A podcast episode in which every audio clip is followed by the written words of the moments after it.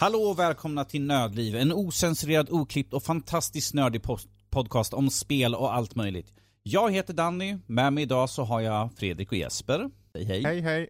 Hallå. Det här är avsnitt 377 och dagens datum är den 24 11 2022. Vi är en månad kvar till julafton just nu och det här är vårt sista ordinarie podcastavsnitt eh, innan eh, våra, våran så att säga uppehåll här. Men vi kommer ju ha våra specialavsnitt som kommer gå hela december och så kommer vi tillbaka i början på nästa år. Men att så frukta inte, ni kommer fortfarande ha massor som är intressant att lyssna under julen i alla fall. Eh, I dagens avsnitt så kommer vi prata lite grann om Resident Evil, eh, Winter Expansion, vi kommer prata Vampire Survivor, vi kommer prata Star Ocean The Divine Force och så såklart en massa nyheter som vi kommer ta upp här alldeles strax. Men jag tänkte att eftersom vi inte kommer vara, ha ett avsnitt i början på december så tänker vi ta upp spel som släpps under december här nu, för som vi brukar vanligtvis ha det i första avsnittet i månaden.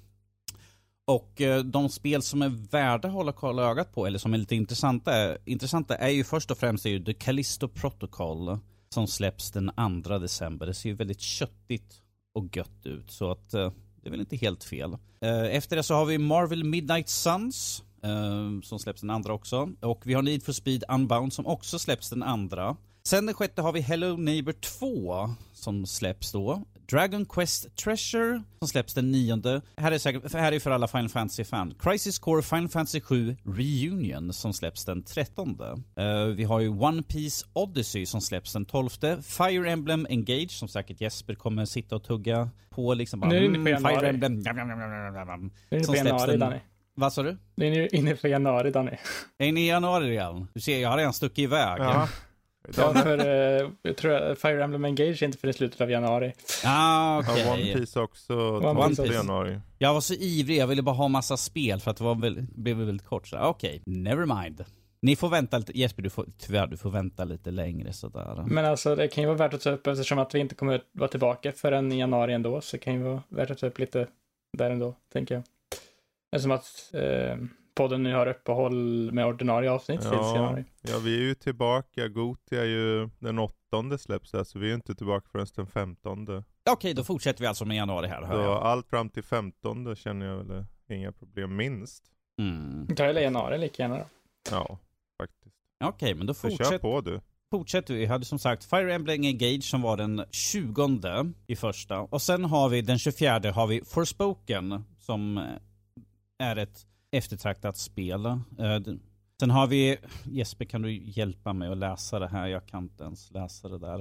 A- Euden Chronicles 100 Heroes. Och som släpps den 26. Sen, F, vi hade som sagt uh, The Callisto Protocol i början på december, men i slutet på januari har vi Dead Space remaken som släpps den 27. Mm. Mm. Så det blir intressant där att vi har liksom den spirituella Dead Space-versionen utav de gamla utvecklarna av, Dead Space och nu kommer Dead Space-remaken sen i slutet på januari. Så det blir väldigt intressant att se. Ja, det är en riktig konkurrens där och se vilken Mm. som faktiskt visar sig vara är det samma gamla Dead Space som visar sig vara det bästa eller kan Callisto Protocol faktiskt göra något nytt? Mm. Ja, alltså det är ju puristerna säkert kommer nog tycka att Alltså det är en väldigt svår fråga för att puristerna kanske tycker att liksom originalet fortfarande liksom är bäst eller vad man ska säga men att alltså det är, det är en liksom balansgång att göra en remake på det här sättet eh, ändå. Att eh, hålla puristerna kvar där. Men det frågan är om de kommer gå mer åt eh, Callisto Protocol som verkar ändå vara väldigt mycket av typ samma som Dead Space fast ändå liksom utvecklar det här formulan lite grann. Eller det här remaken som också verkar ta lite, lite, lite nya grejer. Även om det är väldigt mycket samma tror jag från första spelet. Är samma, samma story och sånt i alla fall. Eh, ska bli intressant att se nu släpps ju ja, bara en vecka efter den här podden släpps så släpps ju då Callisto Protocol så vi får se hur det står sig liksom när eh, folk har spelat det och kommer ut med åsikter om det och hur det ser ut. Men ja, det blir intressant. Mm. Men där har vi i alla fall, är det något spel ni tycker som kanske också behöver lyftas fram eh, utav de som finns på listan? Eller tycker ni att jag fick med de flesta? Alltså jag tycker att, eh, ja, det, jag tycker att det verkar som att med både januari och december tillsammans så är det ganska köttig start på året också med liksom eh, sluta med liksom den Need for Speed eh, och Crisis Core, Dragon Treasures, Callisto Protocol, liksom det är ganska eh, matig december och sen på. gå in i januari med liksom Fire Emblem, eh, Engage, eh, Forspoken nu som har skjutits upp två gånger tror jag det är. Mm. Eh, och eh, Aiden Chronicles 100 Heroes som jag hade glömt att komma så snart in på, för jag backade det när det begav sig. Det är en spirituell uppföljare på Suikoden-serien med många gamla um, ikoner som har jobbat på den gamla Konami RPG-serien. Mm. Uh, de släppte ju en, uh, vad heter det, en prequel som är Metroidvania-hållet som heter Aiden Chronicles Rising som släpptes i år som jag inte nu spelar än men det är i alla fall en prequel till Aiden Chronicles 100 Heroes. Mm. Och ifall man äter för mycket gott under julen så kan man ju faktiskt eh, hålla koll på Sports Story som kommer till Switch. Kan man Just träna, det, ja, träna, träna, bort eh, julmagen sådär, och komma igång till det nya året lite, lite, lite nyttigare kanske. Sådär. Och du göra ja, Fredrik. Jag vet att du älskar god, god, mat under jul. Mm. Men vi tar och hoppar över till lite nyheter. Jag tänker jag slänger över till dig Fredrik, för du är lite krasslig. Jag tänkte att du kan ta dina nyheter först, så, kan, så får du liksom vila halsen sen sådär så. Ja, efteråt. Uh, yes, ja vad har jag då? Um, mest, jag har två grejer egentligen som är mest där en betraktelse och ett potentiellt rykte. Okej. Okay. Uh, eh, Game Awards är ju snart. Ni pratade om det förra veckan. Mm. Uh, och nu har det kommit rykten om Star Wars Jedi Survivor och inte bara att och det Tom Henderson är en ganska känd uh, Twitter-personlighet och liker och liknande. Mm. Uh, och han säger då från sina källor att uh, det kommer inte bara visas upp, att, utan även få datum. Oh. Och det går lite hand i hand med då att EA då, som kom ut med information om, jag vet inte om det var kvartalsrapporter eller vad det var för någonting. De, de ska släppa ett stort varumärke innan fjärde kvartalet. Eh, och med ett visst, med ett gäng redan utannonserade andra titlar så ser det allt mer ut som att det här spelet också då är Star Wars Jedi Survivor. Mm. Så att eh, det vore inte konstigt om, om Game Awards kan knycka det och faktiskt visa upp eh, Survivor då och få det kanske någon nu. Det skulle inte förvåna om det kommer typ framåt februari eller någonting.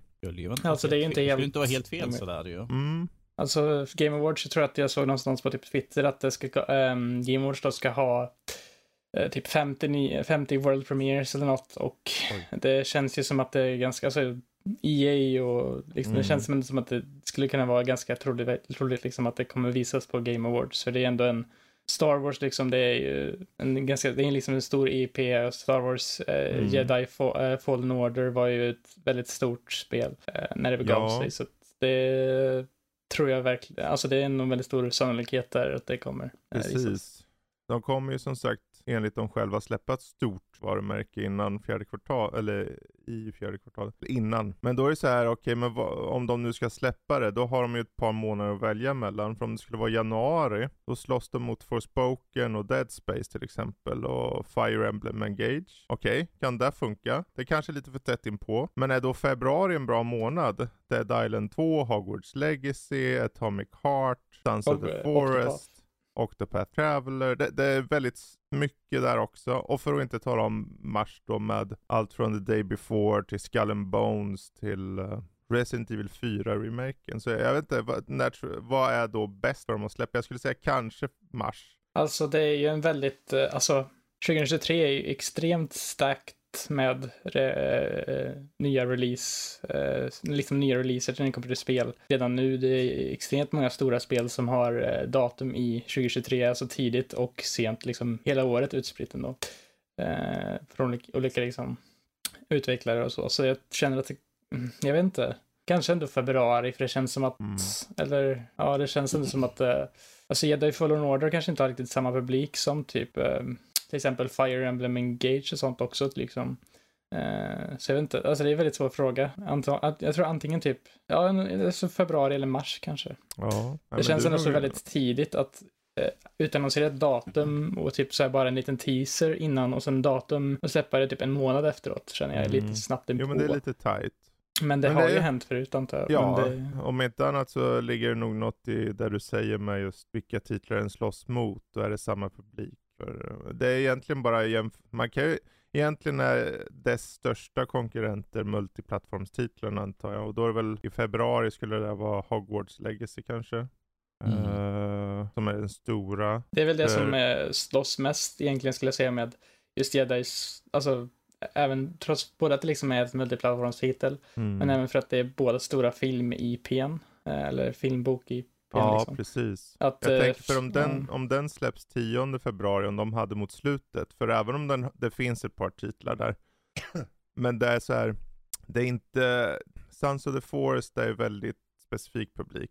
Är inte det EA, alltså Hogwarts Legacy, är inte det EA också? Det är Warner. Det är Warner, ja, det. är Warner ja. Bros. Ja, just det. Uh, jag menar, Octopath Traveler är ju ändå bara Nintendo. Det är ju Playstation också nu. Är det Playstation också? Och PC. Okej, okay, ja men då är det en multiplattform. Men det är ju så här, ja men det kanske finns utrymme för den publiken som köper till exempel Octopath kanske inte samma publik, publik som köper Jedi Survivor. Vad vet jag? Mm. Det är en väldigt svår fråga tror jag också för att, ja, det kan nog komma lite när som helst. Där. Vi får se. Men äh, det, det var det. Uh, och sen så var det egentligen en tvådelad uh, grej och det var egentligen angående Pokémon Scarlet and Violet. Den har sålt nu redan 10 miljoner ex. Det är den största lanseringen någonsin. Uh, vilket är ganska intressant ändå att, uh, att det säljer så. Men det är ju å andra sidan, det är ju Pokémon och det säljer. Um, och det har väl gått lite hand i hand med just kritiken du har fått här på användarbasis. Uh, jag sitter exempelvis och kollar user score på Metacritic 2,9. Ja. Och det är så här, nu, nu är det så, det är ju användare och användare kommer vara som användare är. Det kommer vara, ja men antingen är det 10 eller 1.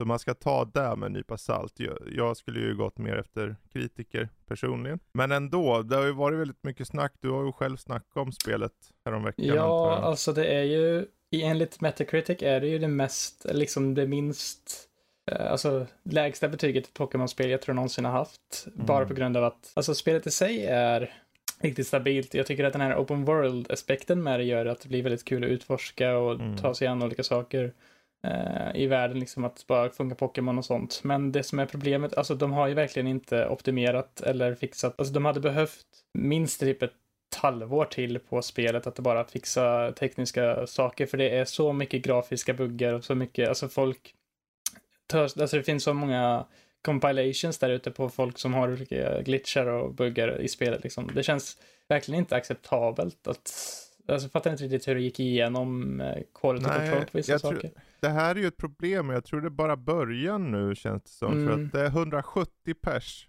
som jobbar på Game Freak. Och de arbetade samtidigt på Arceus. De började på Arceus och det här för...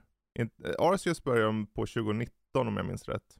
Så det hade en god tid. Men det här spelet påbörjades efter det samtidigt. Hur mycket resurser kan man lägga innan det blir så här, okej okay, det är en balansgång, kommer det här bli bra? Och jag tror i det här fallet blir det tydligt nu att jag tror att Pokémon Company har pushat dem bara att släppa. Det är alltid som med Pokémon. Eh, Pokémon, eh, liksom det har ett track record, det senaste med Sword and Shield också. Eh, att de kan inte delay, alltså skjuta upp ett spel. Eh, för det är liksom, det ska sälja till the holiday season, alltså till mm. julsäsongen, Black Friday julsäsongen liksom. För att det är liksom där folk, flest, eller så flest spelare vill ha spelen liksom under julgranen och sånt. Uh, och det har ju varit ett problem, alltså alltså mindre tid än 2019 till 2022 för att utveckla en sån stor öppen, öppen värld som ändå Pokémon eh, Pokémon Scarlet Violet har. Det är verkligen alldeles för lite tid. För om man kollar på typ, till exempel eh, Legend of Zelda Breath of the Wild minst fem år bara att eh, designa den stora öppna världen. Och det, alltså, det är inte så jättemycket skillnad på storlek egentligen, för Scarlet Violet är extremt stort för det, för att vara Pokémon också. Det är verkligen så här, inte extremt stort, men det, alltså, det, är, det är stort ändå. Det är mm. liksom ingen liten värld har designat. Så det är liksom att ha typ 2020 nästan, att de börjar då liksom, och två år på att designa en öppen värld känns alldeles för lite egentligen. Alltså jag, de hade haft ett år till på det här spelet, alltså det hade blivit, alltså jag hade nog sagt att det är det bästa Pokémon-spelet de har gjort, för att det, alltså tekniskt, alltså spelmässigt sett skulle jag fortfarande säga att det kanske är liksom, alltså det är rätt riktning för Pokémon att gå. Eh, om man bortser från det tekniska. Jag tror det stora problemet här, om jag tittar utifrån, att mm. Ha, vi har ju sett det här fenomenet så många gånger, och det här är exakt samma upplägg som ett visst annat spel som släpptes 2020 som Cyberpunk. Mm. Men det är så här, då köpte inte folk det, mest för att det var ett nytt IP då. Ja. Här, är, här har vi ju en satt det här är ju kod, mer eller mindre, all over again. Och folk köper det bara. Det finns ingen som går ut och, och faktiskt säger nu får det vara nog. Vi, vi måste bojkotta eller någonting. Ni måste göra bättre. Ni kan inte, alltså det, som Fredrik. Cyberpunk är ett sånt tydligt exempel på att ett, ett, bra spel är ett bra spel. Och det här spelet är förmodligen som du säger också ett bra spel. Men det gör det ju nästan mer tråkigt då att de som köpt spelet sitter där och nu bara ja. För jag tror det finns en väldigt stor chans att väldigt många skippar att köra efter det jag har sett av det. Alltså problemet är ju, vad heter det, att eh, som du sa så Cyberpunk var ju liksom att ingen köpte det och då lyssnade CD Projekt Red och patchade det som bara den med olika fixar och sånt. Det köptes jättemycket, det, var deras, det är deras största release någonsin. Jo, alltså det, det jag menar att det, alltså det är liksom att folk gick ut och sa liksom att det var Liksom så att de tog till sig kritik och började patcha och sånt tänker jag med på. Ja, ja. Eh, men Pokémon, alltså, jag skulle bli förvånad om de ens tar den. Alltså de, de vet ju det sväljer som smör oavsett så att. Det... Hur ofta brukar de patcha? Alltså det är väl inte jätteofta egentligen, ifall det inte är någon DLC typ. Jag frågade om det förra veckan också, hur mycket. Uh. om vi säger så här, det här, som sagt, det är ju 10 miljoner sålda exemplar. Mm. Att det har varit så mycket kritik sånt att Nintendo har nu att du kan göra, att du kan lämna tillbaka spelet helt enkelt. Oj. Uh. Yes, vilket inte händer och det är till och med på pre-orders och mm. köpt spel ifall du inte spelar för länge så att säga. Men att, eh, för jag har en artikel som jag hade tänkt ta upp att det har gått så illa att de ger, ger refunds tillbaka mm. på, på Pokémon. För att det har varit uh, buggar, det har varit, du pratade ju om det sist om Jesper, att det var uh, att det var att gameplayet flöt på dåligt, det var dålig framerate och allt sånt där. Det är det andra problemet. Alltså, ja, precis. Och det är tydligen något sånt som folk har liksom skickat in och liksom sagt att jag, jag vill gärna få tillbaka pengar. Och de har tydligen, går tydligen god för att göra det. Vilket det, det, är, inte ofta ja, ju. Det är få gånger som uh, våra vänner borta på Digital Foundry är, gör en video där de rakt av sågar ett spel. okay. Men för första gången, och det, de är väldigt sådär professionella. Det är inte att han sågar på ett elakt sätt bör tilläggas. Det är bara att det är en tydlig sågning. Och ja. när jag såg det och såg hur den liksom läste in karaktär, du kan, du ser Pokémon på en plats ifrån dig, ja. du går mot dem, och sen går du bort så att de försvinner ur bild, och då när du går tillbaka, då är de borta för att motorn fungerar som så att den, den tar bort och ändrar plats på saker. Då. Och då är det så här LOD, alltså att läsa in objektsystemet liksom, är så pass kort att spelet är så ooptimerat, så att du kan tappa Pokémon på det. Mm. Och det var en detalj. Men sen är det så här, det, det och det är nog det här som är stora grejen just att vi har ändå mycket människor som tycker det är, oh, det här har ju, det här är ju verkligen bra, precis som du säger Jesper. Och då är det så här, det här dilutar ju märket liksom. Och är det så att det inte, är det så att folk fortfarande kommer köpa nästa spel utan några som helst tankar så känns det som, okej okay, men då, vad är poängen då? Då är det bara för dem att bara fortsätta att mosa ut spel. Varför inte ha tre om året då? För de hade ju två mm. det här året. Jag säger att RCS är betydligt mer optimerat, även om det är liksom grafiskt sett är det inte jätteimponerande när det kommer till hur det ser ut, men det, det flyter på rätt bra ändå och det liksom har inga, vad heter det, tekniska bekymmer på det sättet att det glitchar ur och sånt, men mm. Det hade ju andra saker som folk, folk var kritiska över. Ja, alltså det, hade ju, många... det hade ju också tekniska problem, men inte alls som, som det ser ut att vara på den här nivån. Alltså, och då var det också jag... snyggare samtidigt. Ja. Det hade en tydlig grafisk stil också. Det var ju det som det bärdes av tror jag när det kom till grafiken, att den hade en sån tydlig grafisk stil. Ja. Alltså jag skulle, alltså ärligt talat, det, det, det är väldigt tråkigt tycker jag för att, alltså spelet i sig som ni har sagt tidigare är, det är väldigt stabilt när det kommer till, alltså själva spelet. Mm. Pokémon Scarlet and Violet. Jag har ändå lagt typ 25 timmar på det redan. Mm. Så att det, det, är liksom, jag har väldigt kul när jag spelar det, men jag tänker ju nästan hela tiden på oj, nu kommer den, alltså nu ploppar Pokémon upp precis framför mig här när jag gick i overworlden och jag springer in i den och liksom bara utan ja. att ens veta att jag springer in i den. Eh, och allt möjligt. Eh, alltså jag har inte varit med om något sånt där själv, men det finns ju folk som klipper igenom världen och allt möjligt. Så det är ju, alltså det är inte acceptabelt på något, något sätt liksom att Alltså det, det, det är så tråkigt att uh, blivit så här för Game Freak. Alltså de vet ju vad som tjänar pengar nu och det är liksom Ja, vänta, jag tycker det känns sniket. Jag tycker uh, Game Freak borde ha sagt till, för det här borde inte vara acceptabelt. För om, om folk... Och sen är det så att den här mängden släpp som de har, ska de fortsätta två om året? Var det, eller var det bara en fluk att Arceus släpptes i våras? Ingen aning, men två om året? Alltså vad är kod då? Det är ju en, mm. en söt liten raring i jämförelse. Alltså jag tänkte nästan på det direkt när de utannonserade. Jag blev, jätte, jag blev jätteförvånad när att de utannonserade Scarlet Violet att komma så här tidigt inpå. Eh, för jag satt ju och kollade på den här Pokémon Presents när de hade det i för februari ja. eller någonting. När de liksom, oj, ny generation, när de släppte precis ett, deras mest eh, avancerade Pokémon-spel de har släppt. Eh, ändå tekniskt sett, när det kommer till mekaniker och sånt, att du kan smyga upp på Pokémon och fånga dem och liksom kasta bollar och liksom utforska de här öppna områdena som det hade ja. ändå. Och sen ja, liksom direkt efter på liksom en open world helt och hållet som de utannonserade direkt. Och det släpps liksom, jag, jag blev ändå lite tvivelaktig att kommer det här, men jag hade aldrig tänkt tanken att det skulle bli på det här sättet. Jag menar, det, känns... det, det, är som att vi i, i vår skrev plötsligt, ja men nu kommer God of War 3. Vi bara, va? Vänt, vänta nu.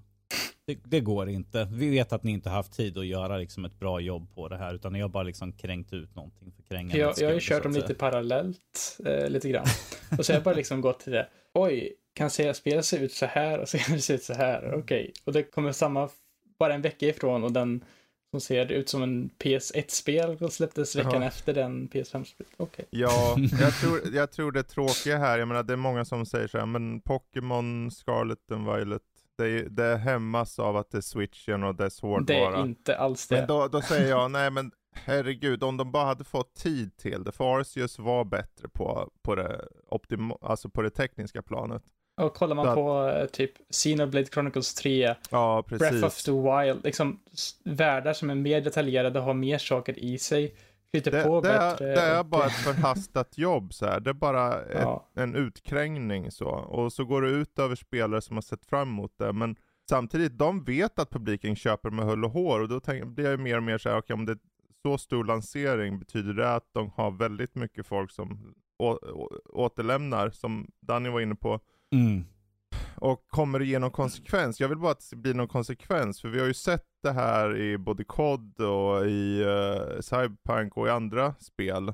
Att det ändå ger, ger eh, konsekvenser men det känns som att Pokémon bara, ja men det är Pokémon, det är som det är. Jag tycker man inte ska acceptera det. Alltså jag tycker det är så konstigt på ett sätt, för att Nintendo är ju verkligen den här, liksom, de har alltid varit den här Nintendo Quality of Approval-stämpeln som de har på sina produkter ibland. Mm. Att det liksom att de går igenom ganska hård kvalitetskontroll ändå oftast när det kommer till releases. Att mm. de får den här stämpeln att liksom, och det är liksom kvalitet. Men det känns, det känns jättekonstigt tycker jag att Nintendo släppte det här utan att ens kolla över en extra gång. Det känns Peng, verkligen pengar, som att... Pengar, pengar, pengar. Jo, men alltså jag, Nintendo... Jag har inte fått sagt det här på länge, men pengar styr ibland sådär. Jo, men det, det är sant, men...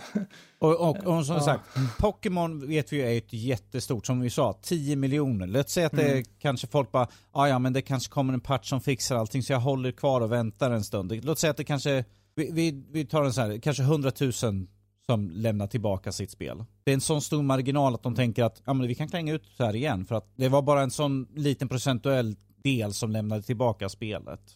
Då, för då får vi ju inte den här konsekvensen som man behöver ha när ett spel släpps och det är knappt funktionabelt liksom och man ser liksom som Jesper du berättade i förra veckan ju hur, hur dåligt optimerat det var liksom och buggar och sådana saker. Det, och jag kan ju bara slänga tillbaka som jag alltid brukar säga, Ubisoft, Assassin's Creed. Man ska inte släppa spel som är sådana och det måste få konsekvenser. Ja, Annars får vi bara skitspel på release ju. Jag tänker det, nu ska vi inte fortsätta för länge med det här känner jag, men det, det, det, är tråkigt, men det är girigt framförallt. Jag tycker det så här, det finns en avsaknad av distans hos uh, de här Pokémon Company. Det är bara uh, braka in pengarna känns det som. Uh, och det känns utnyttjande. Och det är så här, vad är då skillnaden mellan om man tar återigen jag kommer bara på Cyberpunk, det har ju som du var inne på Ubisoft, det finns ju mängder Ja. av exempel. Jo. Men det är så här, när det blir en backlash så, så, så, så behöver det ge ringa på vattnet hos utvecklare och här känns det som att just nu kommer de undan med det riktigt så. Pro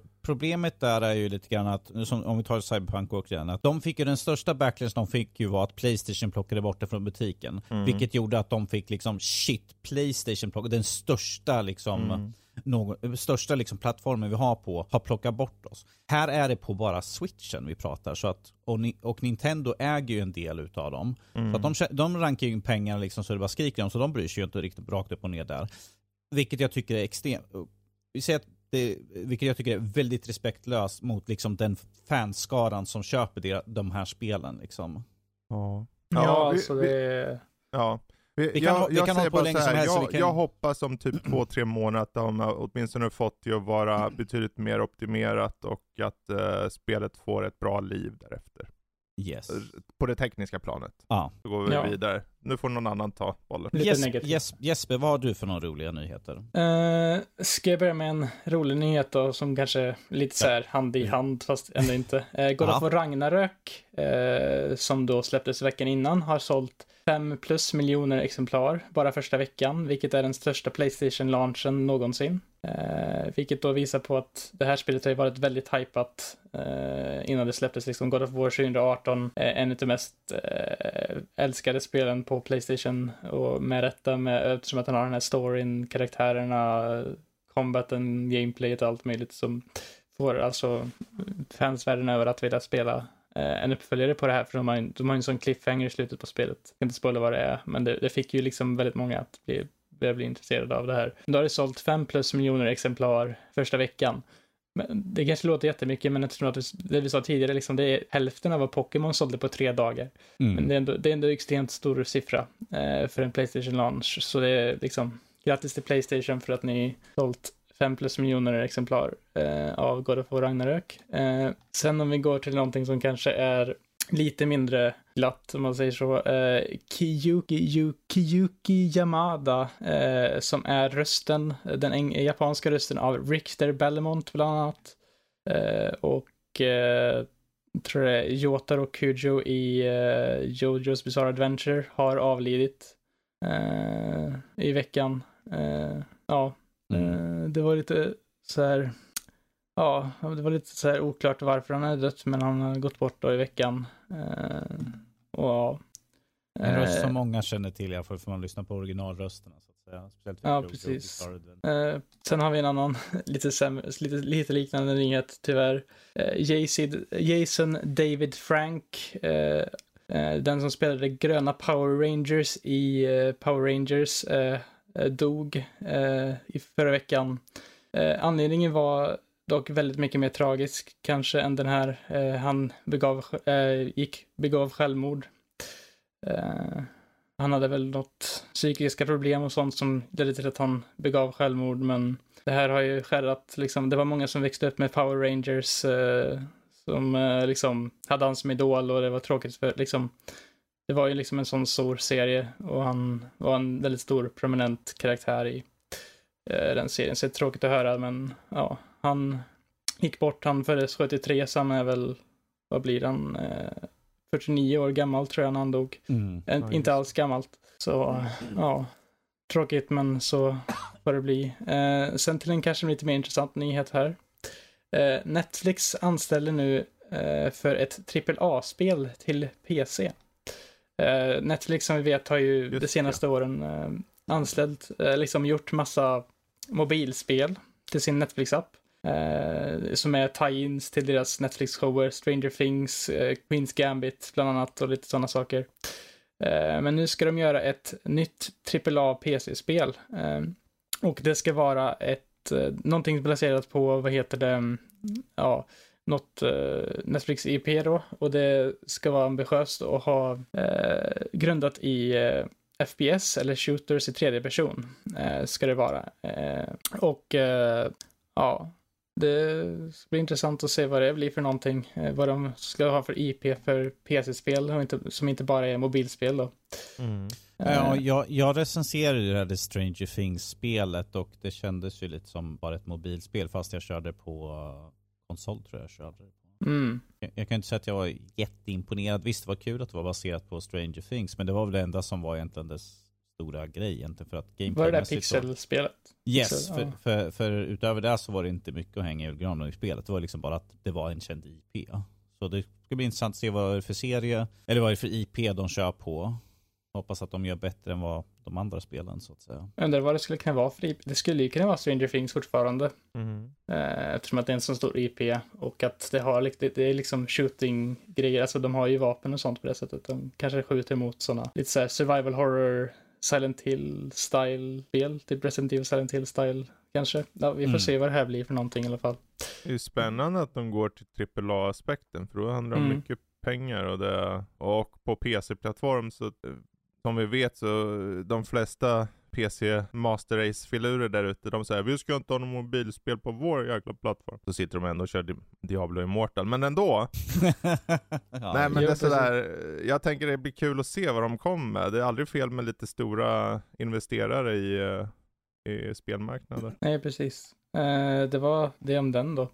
Eh, nästa är att eh, det kom en liten missinformation i veckan om, eh, i någon artikel att Callisto Protocols eh, säsongsbiljett eh, skulle ta, inkludera dödsanimationer eh, som, in, som inte fanns, skulle inte finnas med liksom i grundspelet. Men det har nu klarifierats så det är inte alls så det är, utan det är säsongspasset eh, då innehåller dödsanimationer som inte har gjorts än, som är som en extra grej som är till senare då. Eh, som en extra liksom, ja ja en det, extra. det är nya, dödsfall för nya områden med nya sätt man kan. Ja, liksom precis. Så det är ingenting som de bara låser utanför spelet. Bara för att de inte liksom skulle inkludera allt, utan det är liksom, det är bara en extra liten kul grej för de som söker köper den här säsongspasset. Eh, vilket blir det ganska, det blir ganska mycket drama i veckan om att eh, liksom de blåser saker som skulle vara med i grundspelet bakom eh, betalvägg, men det verkar som att det var lite missförstånd där. Eh, väl, eh, liksom en liten klarifikation om att det kanske inte är så illa som det låter. Det, Eh, det, det skulle vara ja. riktigt illa ifall det liksom, nej men vi tar och börjar dela upp spelen och man får köpa. Du vill gå framåt, fem spänn. Alltså det, var, alltså det fanns ju lite sådana saker, inte så att det var, jag vet det, något sånt om att gå framåt på att betala och sånt, men det fanns ju, jag vet det, i Soul Hackers 2 som släpptes tidigare i år så var det en, eh, en grej bakom betalvägg att det fanns någon extra dungeon och grejer som skulle ge liksom förklaring till vad som händer i storyn mer och sådana saker och det förstår jag liksom, man det kan men bli... Du låser lore-grejer bakom betalvägg. Och det är dag ett-grejer också. Ja, det är en ännu mer grej. Eh, om du frågar mig när det kommer till sånt här, tycker jag det är okej om man sa såna här lore-saker, om det är liksom ett, en sak som kommer kanske om ett typ halvår till ett år senare eller någonting, liksom någon extra grej att vänta längta efter liksom. Men om man släpper det samma dag som eh, spelet släpps så känns det ganska oupptaget tycker jag, för att då liksom, Ja. då har de ju det klart redan. Då har, Redan. då har det är liksom, du säger bara vi har klippt ut det här liksom för att slänga Ja. på liksom en DLC på den bara för att få en extra peng. Ja, och då blir det liksom, ja, varför släppte du inte det här bara i spelet liksom som en postgame-grej kanske till exempel? Ja. Ja, men så kan det vara. Eh, sen ett rykte här. Eh, ett survival horror-spel med Alien är tydligen under utveckling. Eh, och eh, det då liksom ett utvecklas av Survivos eh, ska det göra. Eh, och eh, jag har inte så jättebra koll på vilka det är, men eh, Känner inte igen Survivors. eller. Servios kanske. Servios. Aha. Eh, men ja, eh, det är i alla fall ett nytt eh, Alien Survival Horror-spel som eh, tydligen ska vara lite åt eh, Alien Isolation-hållet.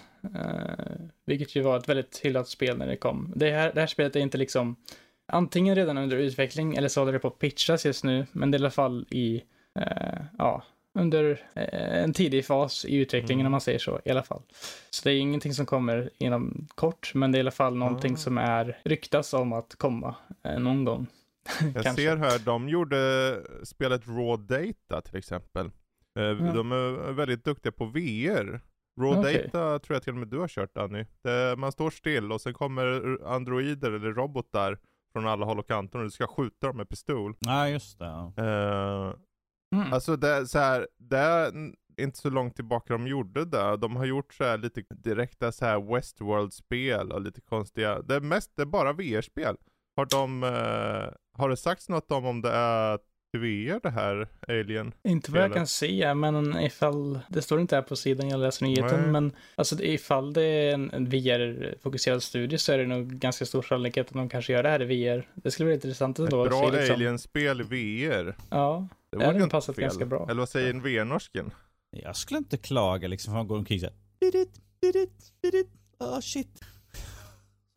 Sen drar fram liksom bara skjuta allt som rör på sig. Och nej. Ja. Min granne, hur gick det till? Oh no. oh no. Ja, ja. ja men kul. kul. ja, eh, jag har en sista nyhet här också. Att det var nämligen ett spel som försvann från PS Plus Extra eh, härom veckan. Eh, Is 8, Lacrimosa of Dana, för, eh, ett JRPG från eh, Falcom som utges av eh, NIS America. Helt plötsligt bara försvann från PS Plus Extra utan någon anledning eller någonting. Men det har kommit tillbaka nu tydligen och eh, det var liksom bara borta från PS Plus Extra som var, det var då en del av den här tjänsten. Mm -hmm. eh, men det bara försvann och kom tillbaka. Eh, och eh, NSA, de har gått med och sagt eh, att det, det är någonting som de inte hade planerat och det var någonting som de inte skulle se komma, men det, ja, det var ett irriterande mysterium för de som var med om att det försvann. Så ja, det var det jag hade. Ja. Där. Danny? Ja, då kan ju jag ta lite nyheter. Jag har tagit och plockat lite hejvilt med saker som jag tyckte såg intressant ut. Det här tycker jag var lite intressant för jag vet att det här har du och jag Fredrik pratat vid i tiden. Alltså i vardagen sådär. Vi har ju pratat om Legacy of Kane lite grann. Lite till och från om IPn som skulle kunna komma skall. Och eh, Crystal Dynamic har nu gjort en enkät här för inte så länge sedan. Eh, där de ville höra ifall folk var intresserade av att se Legacy of Kane komma tillbaka. Och tydligen var det överväldigande så var folk väldigt intresserade och nyfikna på att få tillbaka det. Och, uh, så att chansen finns att vi kanske får en fortsättning eller en reboot på, se på Legacy of Kane-serien, vilket jag skulle vara väldigt nöjd över. Jag tyckte om det. Uh, så att, Fredrik, du har spelat Legacy of Kane, eller hur? En gång i tiden, en men det var länge sedan. Det var länge sedan. Är det något som kanske skulle locka sådär, se? Jag vet inte. Ja, det är ju kul om en gammal serie kommer tillbaka. Mm. Det är alltid kul. Uh, jag kommer ihåg själv att jag inte tyckte så mycket om det. Men ja, uh, ja, som ja. sagt, det är en klassisk titel och den hade sina anhängare. Jag tror om du kan släppa en ny skrud idag och mm. få lite quality of life på det. Så, för det är en unik titel var det. Det var en unik värld, unik upplägg. Uh, hela den här Soul Reaver-biten. Så att mm. det vore kul. Det ser väldigt, alltså jag gillar den designen de har på karaktärer och sånt när jag mm. kollar upp nu. Eh, jag har inte kört det själv, eh, men ja. Vad är det för typ? Är det Square Enix som har gett ut det ser från början? Här. Ja. Action-äventyr, ja. Ja, springer omkring, suger blod, hugger ihjäl människor höger och vänster. Så Det, är allt, det är de bra bitarna i spel sådär. Okej. Okay. så jag tycker det var intressant att de har tagit upp det som det ingick i, de, i uppköpet där utav mm. Crystal Dynamic. Um, och ett, det var ett av de IP-erna som de lade fram, liksom att här är de här IP-erna som finns med och Legacy of Kane var det ett av de som nämndes. Även fast en IP som har varit död under en väldigt lång tid egentligen. Det är ju bara på sådana här att man kan, ifall du typ köper dem liksom på online store eller något sånt där. Eller på en begagnat affär för att hitta spel. För annars går det inte att få tag på de här. Så jag tycker det ska vara intressant. Uh, ifall de gör en reboot eller gör en fortsättning. Jag skulle helst se en reboot eller något sånt där rakt upp och ner för, för hela serien sådär. Mm. Det skulle vara intressant att se för jag tyckte det jag såg nu såg lite intressant ut. Mm. Var det, en, eh, det var en klassiker när det kom antar jag då? Uh, ja, jag vet, jag... Blev, blev lite av den i alla fall. Eller ja, under, för en viss del av publiken så är det ju lite av en klassiker sådär och det finns ju en anledning varför de skickar ut till fans om Precis. de skulle vilja se det igen. Det är ju framförallt Soul Reaver-biten som är mm. den. För det, först gjordes ett som heter Blood Dome, Legacy of Kane. Och sen så när då uppföljaren kom, som blev lite en egen grej, så fick den en uppföljare också som bara hette Soul Reaver 2. Mm. Att, uh, och den biten var den som uh, var uh, praised. Just det, det, det namnet känner jag igen faktiskt. Soul River 2. Plus att i, i första spelet så spelar man ju som Kane och i andra spel så spelar man som Azrael, tror han heter. Mm. Um, och i uppfölj, upp, uppföljaren också, jag tror han heter Azrael i alla fall. Så att det är liksom, man fick ju två, följa två olika typer av vampyrer. Uh, Kane som då blev typ första vampyren och sen liksom hans uh, efterkommor och sånt där så. Men att det var kul sådär. Uh, här är en nyhet som jag vet att du Fredrik skickade till mig en, eh, mitt i natten sådär här senaste. Det här, vi kommer att prata lite Disney här nu. Att, eh, eh Disney har ju haft inte den bästa ekonomiska situationen här på sistone. Jag tror, jag tror de hade 1,2 miljarder förlust på deras på streamingsidan. Tror jag var nu i deras kvart, eh, kvartalsrapport som kom ut här ganska nyligen. Och eh, det kom ut att i söndags så sparkade de sin sittande VD eh, Bob Chapek och tog tillbaka den gamla VDn Bob Iger igen. Som har sutt, mm. satt där i 13 år tror jag var. Han, år. Var det 15 år till och med? Typ ett år mer. Eh, som hopp, eh, klev ner och övervakade Bob Chapek eh, under första året. Han, han har suttit i två år bara, Bob mm. Chapek, och nu fick han sparken rakt upp och ner efter den här enorma förlusten och det har ju inte så gått så bra för att det har Ja, om vi säger så här, skandalen har ju gått lite höger och vänster med deras politiska uttalande om den här uh, uh, laggrejen som kom upp i Kalifornien och allt sånt där som de uttalade sig om. Förlorade sin vad ska man kunna kalla det som? Deras e mm. De var som en egen liten stat nästan ju. Och de förlorade ju de rättigheterna. Ja, den, den biten var förvisso under Igers bit, för han var väldigt mycket emot DeSantis, som den här eh, republikanska eh, presidentkandidaten heter. Han, jo, har, han, det, bör, det började ju där med Iberg, men att det avslutades, eller de förlorade den nu under Shapek ju, som han som var med och uttalade sig och, och drog in Disney politiskt på den biten, så mm. de förlorade ju jättemycket där. Vilket är en enorm förlust för dem. Men att nu har det gått så långt att jag hörde på en, jag lyssnade på en podd här förut idag, de är en Disney-podd, och de har läst en rapport som hade kommit ut att de hade tydligen pratat med Bob Iger i fredags och frågade honom, vill du komma tillbaka? Så att de gjorde upp en deal mm. och kom på söndagen liksom och sparkade Shapek. Så det gick väldigt snabbt där tydligen, från att ledningen gick liksom att kan du komma tillbaka? Okej, okay. ja men ja, förresten Shapek, du har fått sparken nu så mm, Det är precis. ändå en Bob så. Ja, det är, ja, jo precis. Det är en Bob som Bob. det kanske blir nästa blir Bob eh, någonting till. Eh, och sen Ja, jo. Så det, det, här är ju någonting som har rört rum, runt lite grann i grytan och det, Bob, det var inte bara Bob Shake utan hans högra hand fick också sparken och några andra som mm. han, hans närmaste blev helt enkelt nu sparkade, eller kommer sparkas inom Ja, kort, det är så här, det, det, är ju, han har ett entourage av människor som då eh, förespråkar en viss sätt att arbeta och då är det så här, då, när det alltid bytes ut uh, chefspersonal så byter man även under deras underlakejer då för att de kommer inte ha samma typ av arbetssätt. Uh, det här är utan motstycke, för Bob Chapek skulle varit på den här Elton John-konserten. Ja, som var... live på, på Disney+. Men det, det, att det gick så här snabbt innebär bara att han själv förmodligen, han hade ingen som helst koll på det här. Man, man sparkar inte en VD i regel mm. utan några som helst Alltså att ja. inte säga till, att Ingen inte ha någon förvarning det, jag, överallt jag har hört folk prata om det, de säger att den, den it's a coup. It's a coup, liksom. Att ja. det, liksom, de gjorde, som sagt, en kupp liksom bakom ryggen på honom. Vilket det uppenbarligen är ju. Eh, man inte alltså det, det är ju styrelsen det. som har gått in och sagt att nej, vi sparkar honom, för allting hänger på styrelsen. Ja. Eh, hela resten av företaget jublar om han får sluta, men han, han skulle aldrig ha fått sluta om inte styrelsen gick ut och eh, tog sig ett möte och sa att vi måste sparka den här nissen. Ja. Uh, jag tror det, det som han, det stora problemet med Shapehack har varit att hur han har styrt företaget. Hur, uh, hur folket som arbetat under honom har mer eller mindre varit dåligt omhändertagna. Mm. Du har haft uh, dålig stämning. Det har varit osäkert. Det har varit så fokus på att skära ner. Det har varit liksom överlag en, en atmosfär som inte gynnar liksom Disney och framförallt inte står för den typ av politik som Disney ska stå för i alla fall. Som Bob Iger då som var innan hade i 15 år och som gjorde honom väldigt omtyckt.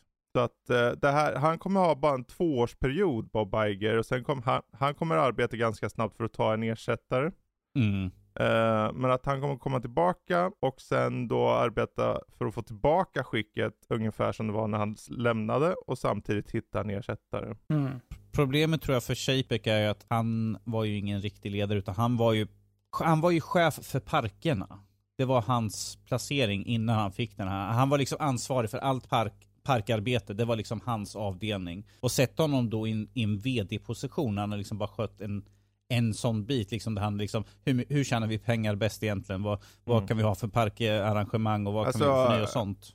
Jag vet inte alltså det är liksom var, rätt person han väldigt, in. Han, är, han har jobbat inom Disney eh, under hela, alltså han har jobbat nästan längre än eh, Iger. Han har funnits i Disney-system väldigt många år. Mm. Och han, är, han var känd mer som the money man.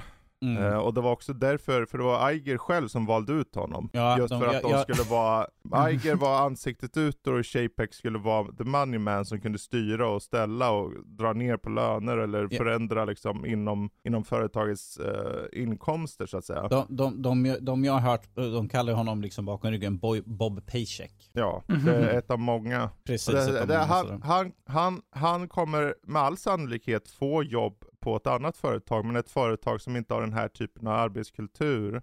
För det passar inte. Hade han jobbat på ett typ så här eh, jag tar en fabrik till exempel så skulle det säkert ja. passa bättre. Men eh, ja. det här kräver någonting mer. Du, behöver, du jobbar med kreativ personal som behöver ha liksom utrymme för att kunna göra, få sina kreativa utlopp och du måste lämna i deras händer och tro på det. Men det gjorde inte han, för han lyssnade inte. Och nu är han ute. Och vi får hoppas att det rycker upp sig. Att hela, för, om vi ska vara helt ärliga, om man ser på Disney överlag, så som de har prånglat ut alla dessa serier och filmer, så känns det som att okej, okay, ni behöver dra ner på takt. Kanske ja, alltså, kan det har varit sjukt mycket. Uh, alltså de har, det känns som att de verkligen har uh, manglat typ Marvel, Star Wars, Uh, allt möjligt annat också liksom. Det är mm. var, och vartannat ny serie hela tiden känns det som och ny content. Så det känns sen, som, sen, ja. sen bör det ju sägas, Iger är inte utan skuld. Det var han som sjösatte Disney+. Plus. Mm. Så att uh, han, och det är också varför han bara är två år. De behöver ha nytt ledarskap, men de behöver ha någon som kan faktiskt förstå den typ av personal som finns på Disney. Uh, och han kommer i alla fall kunna hitta det tror jag.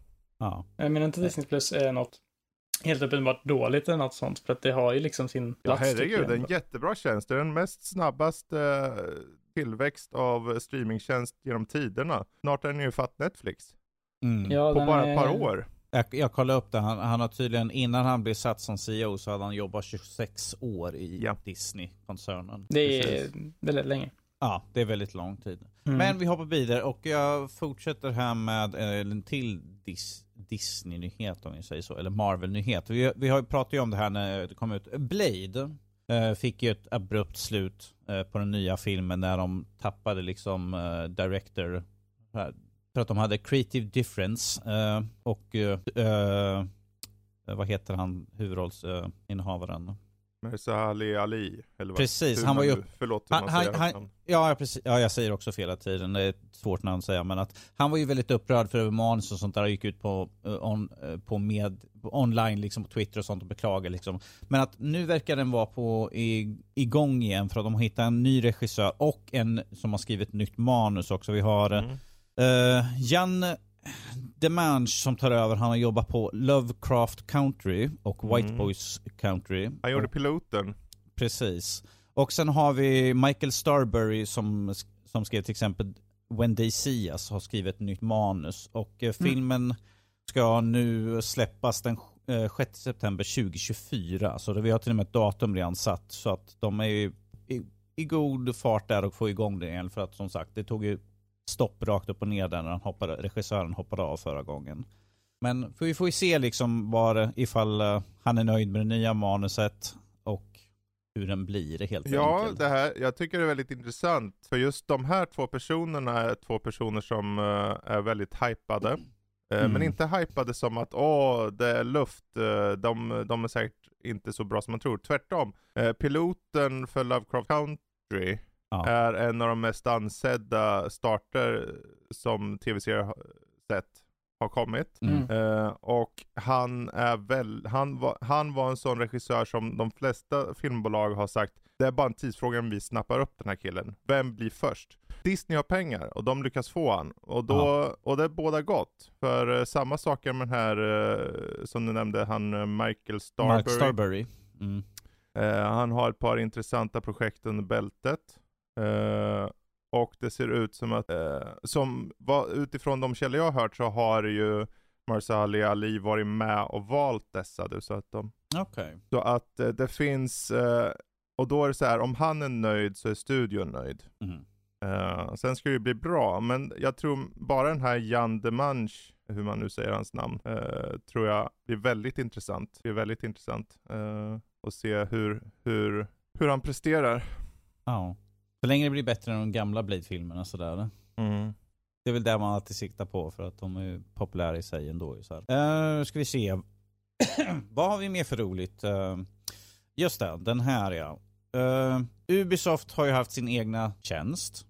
Men att nu gör de ett återtåg tillbaka till Steam. Uh, vilket, och de kommer börja med att släppa Assassin's Creed Valhalla Eh, den 7 december. Så att det är första spelet. Och sen kommer de fortsätta släppa spel på Steam igen. Eh, jag tror att All, vi kommer ihåg när alla skulle skapa sin egna, äh, egna tjänst, liksom ha sina spel på. Men att till slut så kanske liksom att vi kanske ska ta oss tillbaka till Steam. Och, och Ubisoft förstår jag mycket väl att de behöver ha på flera plattformar sådär så att de behöver ju pengarna. Och mm.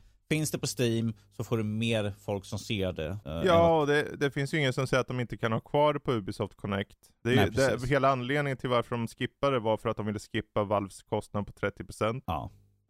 Um, av eh, butiksintäkter. Men uh, jag tänker om, om de, säger att de till exempel, för, det skulle inte förvåna mig om Ubisoft säger, ja men vi släpper standardversion på Steam, men om ni köper på Ubisoft, då får ni med det här också.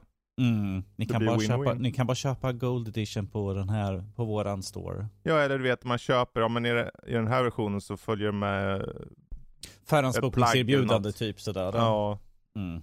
Mm. Du får skygglappar på huvudkaraktären så han ser inget. Är, är, är, vi, är, vi, är, är, vi, tillbaka på liksom Horse Armor-stuket här nu igen? Sådär, Precis. oh, jo. De har ju sagt i Tikotaku att de fortfarande har fokus på Ubisoft Connect. Mm. Men att de vill bredda titlar på de stora, alltså de vill bredda åtkomsten för de här större titlarna. Så att, och då har de nämnt, de sa ju Valhalla uppenbarligen är ja. ju på väg. Det har också nämnts uh, Anno 1800 och Roller Champions som ska bli tillgängliga. Och inte Anno... Origins och, inte Origins Odyssey då?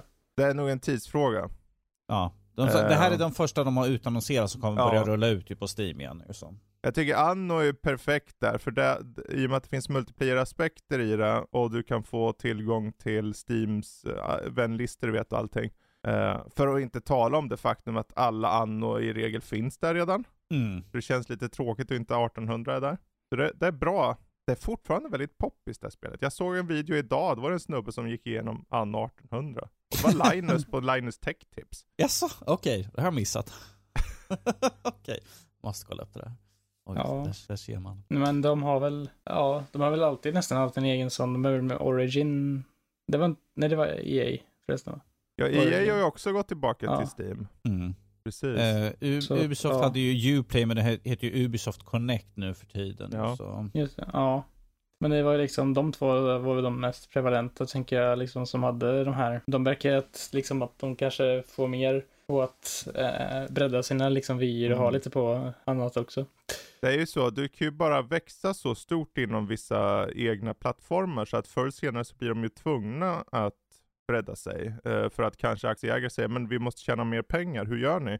Ja, vi, vi breddar oss. Jag menar, Sony har gjort samma sak. Vi har mängder av Playstation-spel på PC. Det hade vi inte, om ni hade hoppat tillbaka fem år i tiden och sagt, ja du vet de stora Playstation-spelen, tror ni de kommer på, finnas på PC? Då hade ni sagt, nej, inte finns väl Uncharted på PC, hur ska det se ut? Vad säger ni snart väl att God of War också kommer? Ja, det har också kommit. Nej, nu hittar du på. Mm. Jo, men alltså det känns ju som att de flesta, alla förutom Nintendo kan man väl säga då, nästan, mm. är på, för att eh, bredda liksom, alltså de ser liksom att, vill bredda sin publik liksom att mm. eh, folk på PC och de som kanske inte vill då eh, i typ Ubisoft och EA's fall där kanske inte vill ha 30 olika olika plattformar att behöva ha sina spel mm. på, att de kan ha ett, bara samma, ett och samma ställe som Steam liksom. Ja, sen kan är det så här, Nintendo är intressanta för det var ju det var ju svårt för dem. Eh, ja, det fanns tillfällen där de frågades om andra plattformar och de sa vi kommer aldrig finnas på någon annan plattform. Men sen så blev det ju att de till slut började släppa på en annan plattform, mm. som är mobilt. Och det, så här, det var någonting som de själva sa för bara ett gäng år innan att de inte skulle göra. Så att om de kan vackla på det, nu tror jag personligen inte att vi kommer se någon Nintendo-spel på PC exempelvis. Men, och du kommer absolut inte se det på någon annan konsol. Jag kan tänka mig PC potentiellt, men om de säljer 100 plus miljoner enheter av nästa konsol också, så finns det ingen anledning å andra sidan. Jag skulle kunna tro typ potentiellt med en väldigt liten sannolikhet Typ att de har en Nintendo-app på PC, typ att man kan köra mm. liksom deras mobilspel via PC med kontroll eller någonting. Till exempel Mario Kart Tour och de spelen liksom. Att man kan köra dem via mm. PC på något sätt. Men jag tror abs absolut liksom inte att de släpper ett eh, Nintendo Mario Odyssey 2 till Jag tror, jag tror det, be de liksom. be det behöver gå dåligt för dem för att de ska ens ja. tänka på det. Och så länge de kränger enheter för nästa enhet och nu med switchen så tror jag det är en liten sannolikhet i det. Nej, ja, alltså det är... Om vi säger så här, Nintendo har ju sin, sitt egna ekosystem där, så de behöver ju ingenting medan till exempel Playstation har ju nu börjat komma till PC, medan Xbox har ju mm. alltid funnits eh, PC. Men att jo. Nintendo har ju aldrig haft den, för de har ju, folk köper ju ändå. De säljer sina spel mm. som smör och de, de finns ingen anledning att de släpper på något annat. Nej men det är ju det jag säger. Ja, jag menar, när, säljer de enheter så finns det ingen anledning. Det skulle mm. vara, de behöver få problem i så fall med försäljningen. Jo, jag menar, alltså Xbox det, ja. har ju, eh, det är intressant för både Playstation och Xbox har ju ändrat, för Xbox fanns inte på Steam, det gör de nu. Mm. Och Playstation är på Epic. Det som är intressant är, ja. när det kommer till Nintendo faktiskt, att Wii U som släpptes innan switchen var ett sånt litet exempel där det inte gick bra för dem att sälja mm. enheter på. För att folk köpte inte, folk var förvirrade, vad var, var Wii U liksom? Wii U, är det en, ett extra tillägg till Wii eller vad är det? Mm. Liksom, det var ifall de hade haft ex, samma Bara extremt dålig marknadsföring där, det ja. sparkade den som gjorde det rakt upp. Ja, det var dålig, alltså det var väldigt så här, Rad Dude Bro som skulle marknadsföra, det är jättekonstigt. Men ifall de hade haft samma problem med marknadsföring och försäljningssiffror med Switch, undrar hur de skulle tagit, mm. Eh, vilken väg de hade tagit då. Det är just det. det. Ja. Precis, jag tror de behöver ju ha ett par om vi säger så här, de har ju så mycket kapital på banken så de, de har råd med en, två fails utan problem. För de, om det är några som experimenterar så är det ju Nintendo. Ibland så släpper de eh, en enhet med en konstig handkontroll, ibland så är det en med uh, ett helt nytt sätt att spela. Och nästa, blir det en Switch 2 eller kommer de göra något helt nytt? Så vi får köpa hela biblioteket med, igen. Jag tycker det är spännande med Nintendo för att de är inte som Playstation och Xbox där man vet exakt nästan vad man får i nästa mm. konsol liksom en ny vanlig hemkonsol med en ny vanlig kontroll på något sätt. Även om Playstation 5 kanske hade den här liksom Healthpick feedback och sånt, men det var liksom inget Alltså, alltså det är inget som Nintendo som innoverade typ så här helt och hållet varenda gång. Eh, dock hade de ju äh. faktiskt eh, 3DSen i Wii U's livstid mm. också. Och 3DSen gjorde betydligt bättre än Wii U när det kommer till försäljningssiffror. Ja. Eh, mycket del... Hela 3DS, ja. 2DS, de släppte ju utgåva efter utgåva, så att det levde ju som koncept så länge. Och sen alltså, de hade ju alla Pokémon-spel till exempel till det. Mm. Sålde som smör där. Eh, liksom alla andra Mario-spel, allt möjligt liksom. Jag tror, eh. jag tror, eh, varför det är mer sannolikt att de faktiskt fortsätter med något Switch-liknande, är ju för att de har ju indirekt dödat 3DSen för att de gjorde mm. switchen, för det är en kombinerad liksom handhållen och eh, för många också, eh, vad heter det, stationär. Ja. Um, så att uh, det är så här, de skulle ju, det skulle vara vanskligt för dem kanske att återigen lansera två typer av enheter nästa gång. En, en handhållen och en stationär. Det är lite så här, nu har ni gjort det här, nu, nu kan man inte backa känns det som. Nej, alltså det, dels det typ att de inte kan backa på grund av det, men också på grund av att eh, i Japan så säljer ju också handhållna enheter mycket bättre än, eh, mm. än eh, hemkonsolsenheter. För att de har en sån kultur där att de alltid är på Eh, liksom att de åker alltid typ kollektivtrafik eller åker någonstans eller de är alltid på resande fot liksom. De är aldrig hemma liksom och spelar så mycket. Så det är liksom en win-win där för att liksom switchen är liksom så, så smidig på det sättet att man kan ha den både som en hemkonsol för liksom mer kanske västerländska marknaden eh, är liksom mer, kanske mer hemkonsolsmarknaden. Då har vi ju det där med switchen och sen är det liksom när man kan ta med det överallt eller mm. spela liksom i sängen eller vad man än vill. Liksom, det, det är ett vinnande koncept för Nintendo. Jag tror att de skulle vara döma om de inte gjorde en, eh, liksom en handhåll, handhållet eh, samtidigt som hemkonsolhybrid nästa gång också. Mm. Eh, bara frågan hur de gör det. För det ja, kanske inte de behöver få ut den snart. För jag, jag rör ju inte switchen nu för att jag tyckte till och med Bayonetta var lite så här, jag vet inte, det känns lite hackigt här. Det, det är, ju det. Och då törs jag inte uh, tänka på hur det är i Pokémon. Alltså Pokémon är betydligt värre. Men äh, grejen är att, alltså det känns ju verkligen som att det är dags nu för en ny konsol. För att äh, om, man om man ser så här på Nintendos äh, release-scheman för konsoler och sånt med Switch. om de skulle släppa en Switch 2 till exempel så är det inget bättre år nästan att, än att göra det nästa år. För att både 2019 med Switch Liten och en reviderade Switch modellen som hade mer batteritid. Sen 2021 med OLEDen hade de ju en helt ny version och sen då 2023 så skulle de kunna ha något mer kraftfullt förhoppningsvis. För att det var ju mycket liksom eh, Bloomberg reports och sånt liksom på att eh, OLEDen troligtvis skulle vara en kraftfullare enhet från början. Eh, men på grund av eh, komponentbrist och sånt så tog de en mm. annan väg och släppte den som bara en OLED-skärm och vanlig switch liksom. Eh, med en, en Nvidia Tegra-chippet tror jag det var, som de hade tänkt att ha med så här uh, upscaling-tekniker och sånt som gjorde att det blir liksom 4K-upplösning i lockat läge och sånt. Mm. Jag, jag, tänker att jag bryter den här med Nintendo, men att jag tänker ta min sista nyhet. Ja.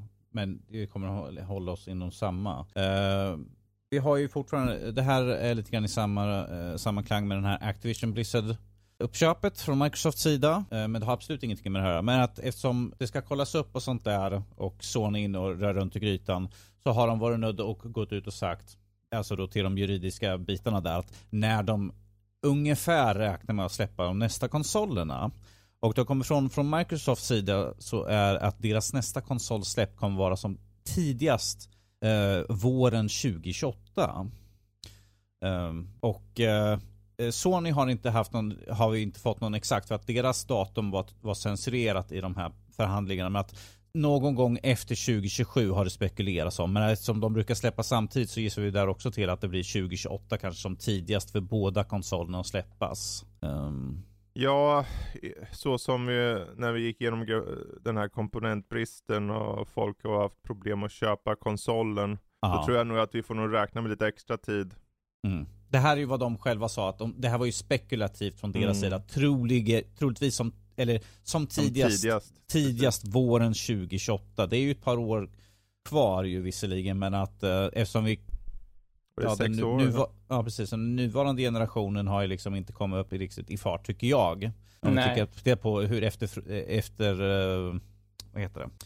Eftertraktad Playstation 5 fortfarande är. Mm. Liksom, att det inte finns Ändå slår alla... en säljrekord. Ändå slår en säljrekord, ja. men att det är fortfarande att folk kan inte få tag på den. Så att... Det är för att efterfrågan är så mycket högre än tidigare. Ja, jo. Och sen också att den här grejen med att både Playstation 5 och Xbox Series X liksom har inte fått några helt exklusiva spel, knappt alls än. Liksom Playstation 5 har ju många liksom exklusiva titlar i liksom Horizon Forbidden West och God of War, men det, grejen med dem ja. är att de släpps även till PS4. Precis. Eh, det där nu... tycker jag är ganska intressant, förlåt jag avbryter. Ja. Men eh, jag kommer inte ihåg vart jag, det var, jag tror det var Jeff Grubb eller någon annan som pratade just om det är många som har pratat om det, just det här med, okej, okay, vi har sett x antal speltitlar släppas på Playstation, men överlag eh, har det varit relativt få, så att det är väldigt många som säger, ja, och du har väl själv sagt, ja men PS5, den har stått så här, det har inte blivit så mycket spelande. Ja. Medans Xbox, då är överlag folk som har skaffat det, har alltid skaffat Game Pass, och då säger de, ställer så här, alltså jag har ju Xboxen på lite då och då, för det finns alltid något jag testar. och jag tror just att det är en styrka så här. Ja, det finns inte exklusivitet där på samma sätt. Och där har de själva sagt på häromdagen att det är en svaghet hos, hos dem själva, Microsoft då. Mm. Men det är ändå intressant att se hur liksom, skon kan vända då när, när man bara får distans. För har du bara, om du bara frågar någon, ja du har två konsoler, vilken tror du har kört mest spel på? Då tror jag fler säger att de har kört mer konsekvent på Xbox, mest för att de bara utforskar. Sen om de beklagar sig över att det saknas exklusiviteter, ja det kanske sker. Men eh, det är bara, jag tyckte bara en kul sak sådär som en bit betraktelsesätt bara. Men grejen är ju att det jag tänkte komma till, jag skulle säga det var att eh, det, det, verkar inte som att de verkar arta upp sig lite nu mer med lite mer exklusivitet redan nu mm. nästa år. eh, från Playstation sida med Forspoken till exempel redan i januari som är en Playstation 5, jag tror det kanske släpps till PC också va? Men det är i alla fall ja. en Playstation 5 konsol exklusiv, det släpps inte till Xbox eh, eller till, till eh, PS4. Mm. Men även Final Fantasy 16 som nu är liksom, eh, som vi vet, bara Playstation 5. En stor titel mm. nästa år. Spiderman 2, eh, vad heter det? Det är ju ett, en stor uppföljare till en PS4-titel, bara PS5. Eh, tror att det här är Pragmata, eh, Capcom-spelet, lite så här just det. Just det. rymdtema med någon astronaut och någon tjej eller något. Vi vet inte så mycket om det, men jag tror att det var, ett, det var också ett PS5 exklusivt och liksom Stellar Blade, det här uh, Project Eve, som hette från början, det här koreanska action-rollspelet som eh, eh, ser ganska lovande ut som släpps nästa år också, bara Playstation 5. Så det liksom, det verkar inte som att Playstation eh, börjar nu arta sig med att vi kanske inte bara släpper på, vi kanske inte släpper på PS4 och PS5 samtidigt på alla spel nu. Mm. Eh, det kanske gått så långt har, nu. Har, har Playstation massa exklusiva spel? Men jag tycker ju Game Brian säger att de inte har så mycket så de måste ha kod också. Mm. Mm. jag bara slänga en känga på den jävla nötkrämen sådär. Och även eh, då Xbox, Xboxen med eh, Starfield till exempel. Det är förvisso också PC, men det är ju ett eh, Xbox konsolexklusivt mm. spel. Eh, även eh, kanske typ Fable som kommer om några år kanske. Och ja, även om Xboxen är kanske lite långsammare så kommer de ju, eftersom de har så otroligt många studier, släppa mera spel till just Xbox-tjänsten i alla fall, exklusivt. Alltså, för, det är ju ett ekosystem för, egentligen. Ja, för förr eller senare går ju proppen ur, vet du, och då flyger ut spel. Ja, precis. Bethesda och mängder av liksom, studios som de har skaffat. Det är bara en tidsfråga. Det, det är ju ja. samma sak om vi ser uh, det här med att Xbox en, väl får tummen ur med att när, jag, jag, väntar också på att Embracer Group med sina 120 123 studios eller vad det är för mm. någonting. Jag väntar fortfarande på att när de kommer med några sådana här typ en enorm mängd med uh, utannonseringar för de har ju så, fortfarande gjort massvis med inköp och vi pratade om det sist att det kommer komma fler, ett till storköp uh, framöver ju med att när kommer spelen? De spelen som vi har fått än så länge därifrån har ju varit lite granna eh, si och så. Xbox-spel som de har släppt också varit, eh, men vi väntar ju på att när kommer nästa spel? De som faktiskt är nu byggda från grunden upp för de nya konsolerna till exempel. Och PC då. Så här. Ja. Mm, precis. Alltså, de har ju släppt, det är ju där man, jag tror mycket problemet med Embracer att oftast tänker man inte på deras släpp. Mm. Biomutant, Uh, vad heter den här Saints rymdvarelsen? Saint, vad heter den rymdvarelsen? Uh, Destroy, Destroy, Humans. Destroy All Humans de, de släpper ju relativt konsekvent ELX2. ja, just det, vi pratade om det sist ja. Precis. Alltså det är det, de släpper konsekvent spel, men det är inte, i och med att de inte är AAA, mm. i alla fall inte har varit, så blir det ingen, de får ingen fokus. Så att när man tänker så här, varför släpper de in, när kommer de här? De släpper egentligen hela tiden, det är bara att det är så här halvstora middle of, spel. Middle of the road spel sådär då. Jag tror att grejen ja. med Embracer Groups spel är att till skillnad från Xbox stora studios med Blizzard, Activision, mm. Bethesda och allt möjligt sådär, så är det liksom uppenbart, eh, liksom uppenbara studios som man vet liksom är Xbox-studios mm. nu som släpper spel, medan då Ed Bracer Group har de här mindre studios som är mer som man kanske inte tänker uppenbart ja, att det är Embracer Group som släpper mm. det, men som du säger liksom alltså, THQ De ligger ju bakom uh, Little Nightmares, de ligger bakom ja. snart Metro-serien, de ligger bakom Deep Silver och Koch Media, eller Playon som de heter idag. Så att det är så här, de, allting som de själva har, de här eh, studioserna eller utgivarna, är ju under Embracer. Så att det är så här, mm. det är så stort. Men det är just att, ja, jag tror det är små Problem, halvstora jag tror, spel. Jag tror problemet är att för när Sony eller Microsoft släpper någonting så står det med stora bokstäver Sony, Microsoft. Ja. Det står ju inte Embracer Group på varenda Nej. utan det står ju studiosarna vanligtvis, de som har gjort det. Och det är ju rätt också, för varför ja. ska Embracer ta något liksom No ja, men det, jag, jag, menar, jag menar att det blir inte att du tänker liksom det som att Nej, det här är ett Embracer-spel, utan det är den här studions spel. Men är det från ett Microsoft-spel, då står det Microsoft, och ja. det Sony-spel, då står det Sony på, så att det liksom, det här är våra Exakt. spel. Va? Och nu Embracer är liksom att det är ju så många studios att de har ju liksom att det släpps massor, men vi har inte aning att det är just Embracer. Nej, och de har ju tjänat smör på Borderlands nu på sistone i och med att de har Gearbox också. Så. Mm, jo, där uh, nu Volition hamnade under ju. Mm. Som vi pratade om förra veckan ju.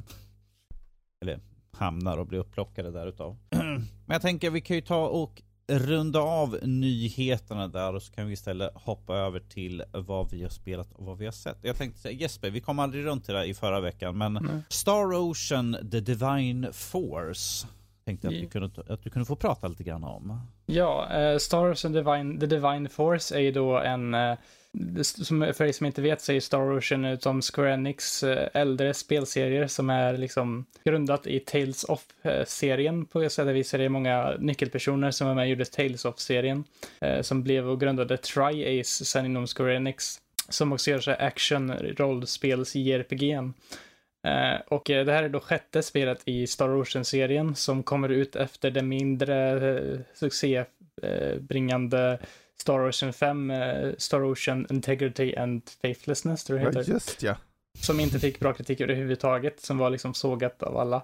Men nu har det kommit då Star Ocean The Divine Force till moderna plattformar. Uh, det handlar om uh, två, liksom, kulturer kan man säga som krockar med varandra.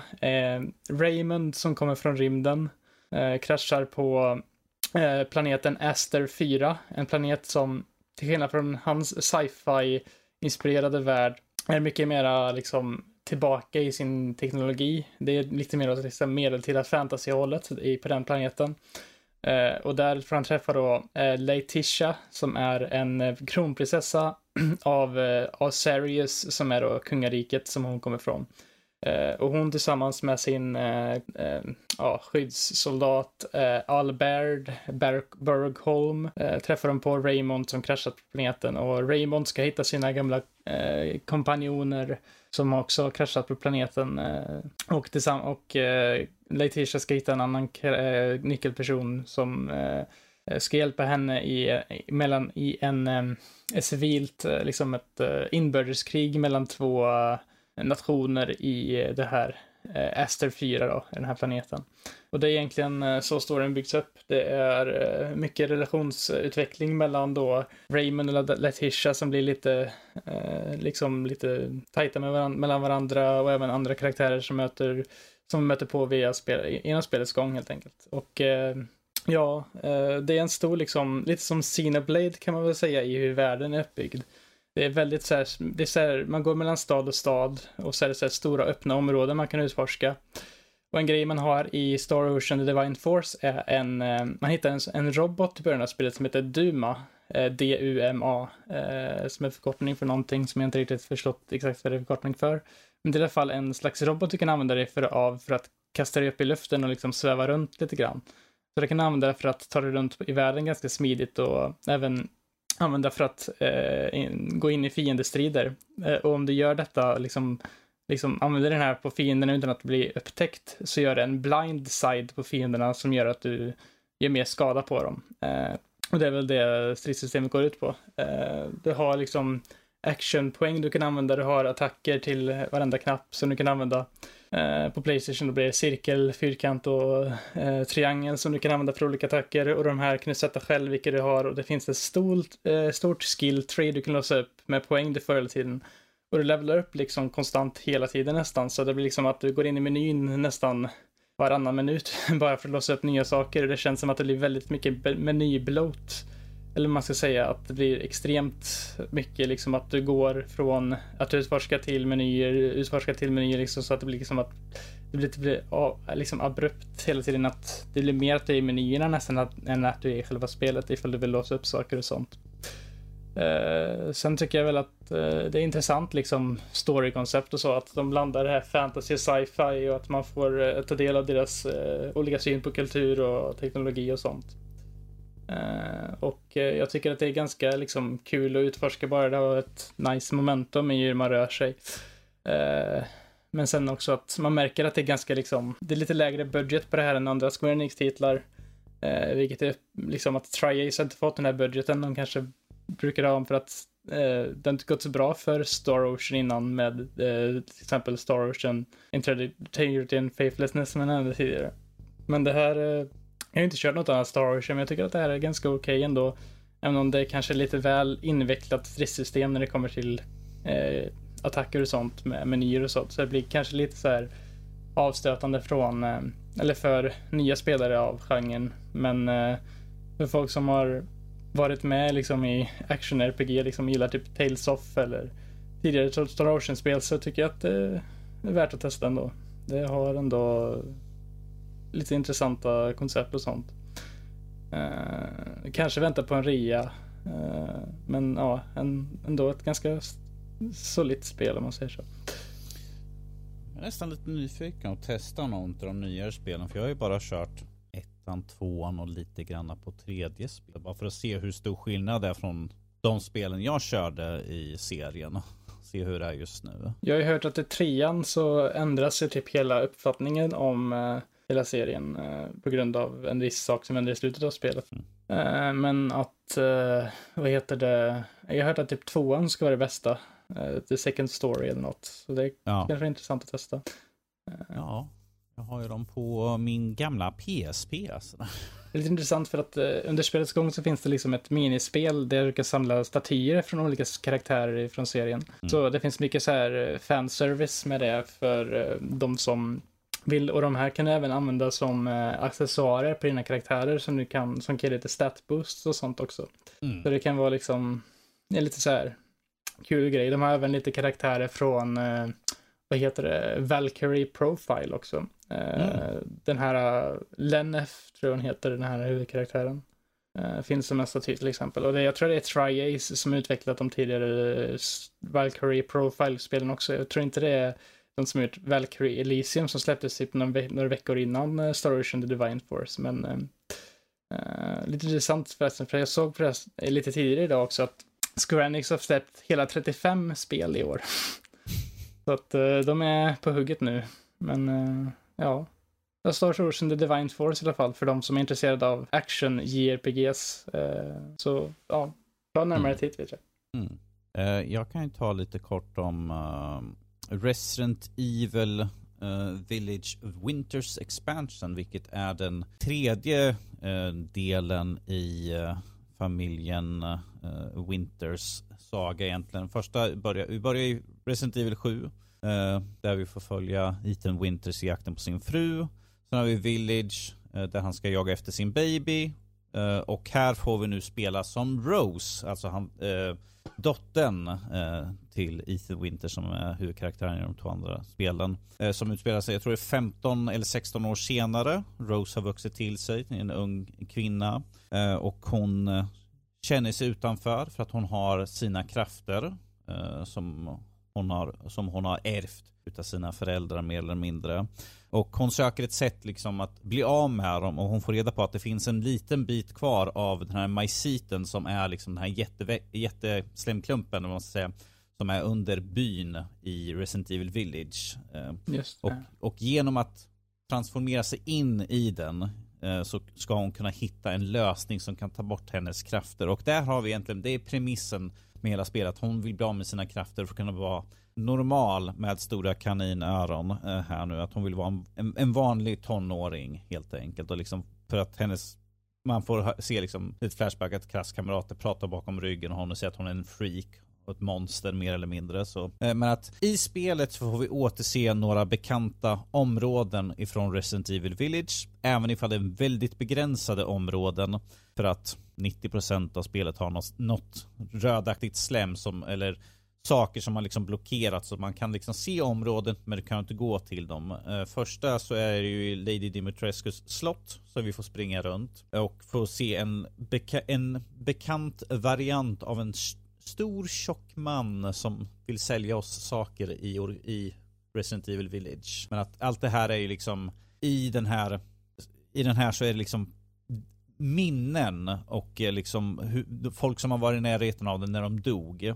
Så att den har liksom absorberat liksom minnen så att det finns saker där inne som man kan ta lärdom och det är liksom på det sättet hon gör. Eh, I spelet så har man skjutvapen men att det är mer eller mindre en, en, en sista lösning för att kunna ta sig förbi vissa fiender. Man använder sig vanligtvis av hennes krafter som hon kan använda. Hon kan till exempel stun, stunlocka fiender eller liksom få dem att trilla sönder.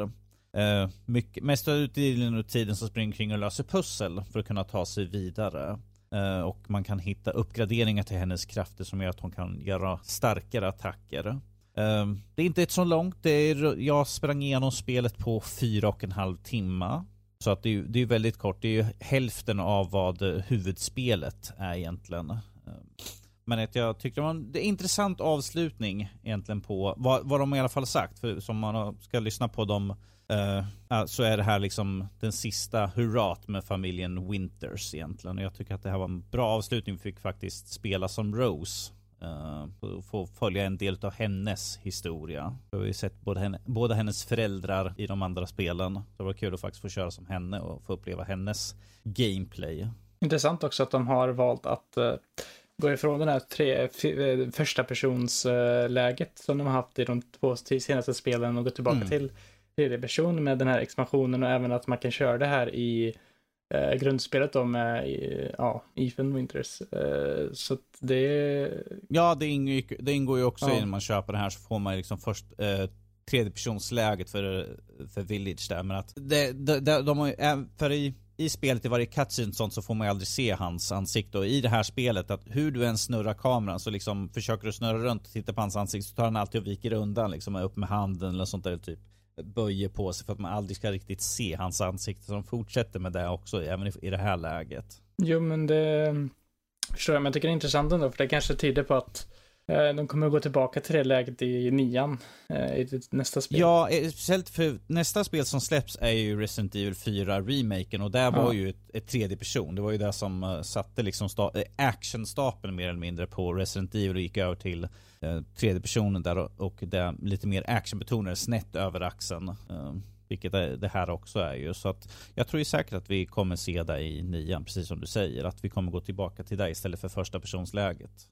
Ja, det vore intressant att se liksom för att det kanske var en stilistisk effekt bara för att följa honom, för att han var liksom sån här, som man skulle kunna känna att man identifierade sig med honom på något sätt när man spelade just sjuan och åttan eftersom att det var de var uppbyggda på det sättet de var liksom. Mm. Med honom och så. Så det, ja, det kanske var tänkt bara vara en one-off sak med honom. Att de skulle köra i det första personsläget bara för att se hur det funkar. Men att de kanske tycker att, ja, nu när vi är klara med honom så, med den familjen så kan vi lika gärna gå tillbaka till våra rötter och köra lite på tredje person igen. Liksom. Ja. ja, det ska bli intressant. Som sagt, som sagt, intressant med fyran. Sen får vi se vad som kommer härnäst i Resident Evils framtid. Jag hoppas på något nytt intressant som håller sig mer kopplat till Resident Evil än vad de här spelen egentligen har haft på det sättet. Ja, precis. Finns ju lite lår som kopplar samman men att man skulle kunna döpa det till något helt annat egentligen. Sådär. Uh, jag tänker att Fredrik, jag, jag, vill bara höra lite om dig för att du har ju kört uh, den, full, den släppta versionen, fullsläppta versionen av Vampire Survivors. Mm. Mm. Vad va, va är det som är nytt för liksom fulla släppet eller något sådär? Ja du, det är en bra ja, fråga. Det är inte någon större skillnad alls. Mm. Egentligen. Det, det, är bara mer av det goda ungefär. Um, det är plus i kanten. Nej, alltså det är så här, de, de hade ju, när de hade preview-versionen eller early access-versionen så släppte de ju hela tiden någonting nytt. Nu är det här och nu är det här. Så när då vi gick mot um, den här 1.0 då, Ja. Så var det mest som, okej okay, men nu finaliserar vi det här och så får ni, och så, jag kommer inte ihåg, det var någon, några, någon karaktär typ och lite spelsätt där. Ja. Uh, men att i och med att de hela tiden har uppdaterats så jäkla bra mm. så har det väl egentligen inte riktigt behövt tryckas på för spelarna finns där liksom. Uh, ja, vilket spel. Ja, jag vet att du har, du har sagt att du har råkat trilla tillbaka och kanske kört här och där. Ja, nu när det släpptes på, på Game Pass tänkte jag, men ja, jag skulle vilja köra där, se om jag kan ta några achievement. Okej. Okay. Och eh, då tänkte jag, men det är ju synd då att jag har sparningen på Steam. Men vet ni vad, jag chansar. Jag tar mm. kopierande sparningen och så lägger jag den här installationsmappen. Och när jag då startar spelet så plingar den då i ungefär 10 minuter för varje achievement som jag Amen. får gud, Fredrik. jag hade ju inte räknat med det, jag, hade, jag bara chansade. Jag tänkte, ja men jag chansar. Jag läste någon guide på internet, för det gick att göra tvärtom. Det gick att kopiera nämligen från din, eh, eller din Game Pass-version till Steam. Okay. jag tänkte så här, men om det går åt det hållet, för jag hittar ingenstans om det motsatta. Men jag, tänkte, jag chansar, för jag har inte kört något på, på Game Pass. Om jag fudgar upp någon save där spelar ju ingen roll. Nej, precis. Och när jag då startar så börjar den plinga bara, okej, okay, uppenbarligen funkar det. Och jag hade tillbaka typ min save. Det var vissa saker som hade inte eh, gått igång än. Men jag har ju suttit efter det och, och i de stunder jag haft och kört Vampire Survivors. Och det, är så här, det här spelet kan jag säga kommer komma långt i, för min del i min egen Goti i år. För det, det finns inget speligare spel än det här. Det finns inget speligare spel. Det är så här, om du sätter dig med det här spelet, du ska vara bra dum för att inte fatta upplägget. Du liksom rör på bara karaktären och det är allt. Det är egentligen mm. allt du gör. Du rör bara på karaktären och försöker undvika fiender. Och gör vissa val ibland. Det är typ där ju. Ja, det kommer upp en sak. Säg hej, vill du välja en av de här? Du bara ja. Det är så autospel man bara kör på liksom. Ja, ungefär så. Eh, du måste ju, det här, du väljer ju, du får ju slumpmässigt då upp vapen efter du har gått upp i nivå. Uh, och det, varje gång är slumpmässigt så du bara okej, okay, jag får välja med de här vapnen. Jag kan ju ta skippa om du har låst upp skip-funktionen. Uh, men uh, du väljer något och så får du bygga upp en karaktär allt eftersom och varje runda är liksom olik den andra. Ja, jag har ju laddat ner det så jag får väl testa den en gång. Så, men... Um, ja, det är många som säger att de tycker att de fastnar i det där spelet. Så att...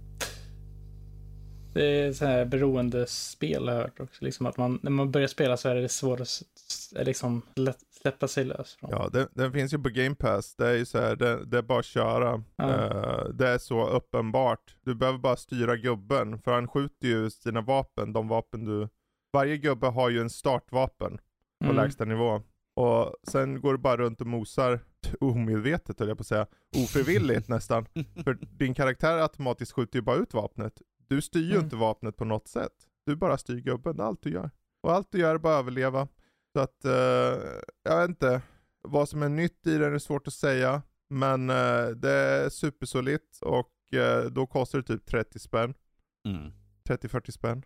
Så att mm. uh, om man nu köper det, eller om man har på Game Pass så är det bara att köra liksom. Kanske, inte, kanske skulle jag ställt liksom inte frågan vad är nytt utan hur mycket har du kört av skiten egentligen? Sådär. 500 000 timmar. 500 ja, det är så här, han, behöver, gått... han behöver inte, du vet han behöver inte grinda för att plocka massa achievement i alla fall, det hör ju jag. Nej, inte på Xbox i alla fall. Men det är sådär, på, på, på Steam så kan jag ha lagt 70 timmar plus. Oh. Uh, och på, på Game Pass jag har lagt kanske 15, kanske? Mm. Jag vet inte därför, jag kan, vet inte vart man ser det. Men uh, jag vet inte.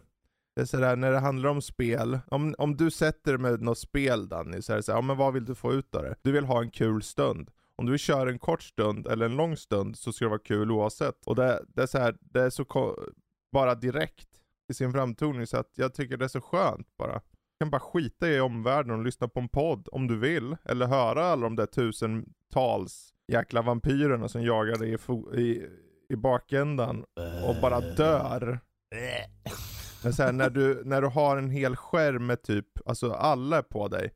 Allt som existerar, som någonsin existerat i det jävla spelet kommer och ska bita Jesper i skärten liksom. Och han bara, jag står här bara och sen så är det en stor ring runt om honom som bara mosar allt i ett hav av mos. Och det är bara tillfredsställande. Jag vet inte, det, det, det är svårt att inte gilla det känner jag personligen. Det blir intressant att se vad andra tycker. Jag vet ju några redan förvisso, men ändå. Ja, jag har ju också installerat på Xboxen så en vacker dag. Ja, men det, ja, det finns inte så mycket mer att säga. Jag har pratat om det där förut, det till hur man spelar. Mm. Det, det, kan ni ta och lyssna på tidigare avsnitt. Ja, jag ville bara få en slutsummering som jag visste om att du hade kört mm, massa, mm. så jag ville bara höra liksom ifall du ja. hade ändrats eller liksom någonting, eller ifall du fortfarande var lika tokig i det som du har varit hittills sådär. Ja, Jesper, vi får ta och bita tag i det där en, en, en vacker dag egentligen för att um, ja faktiskt uh, göra någonting sådär. Um, jag tänker, uh, ja, det här är jag nyfiken, nu har du inte kört så mycket utav det men att Jesper, utan uh, du har bara bitit tag lite grann. Men Silent Hill 2, ja. en klassiker, gammalt spel. Jag tror det är till och med äldre än dig så. Um, Ja, vad, har... vad, är, vad är dina intryck av Silent Hill? För det här blir väldigt intressant, en, en mycket yngre publik.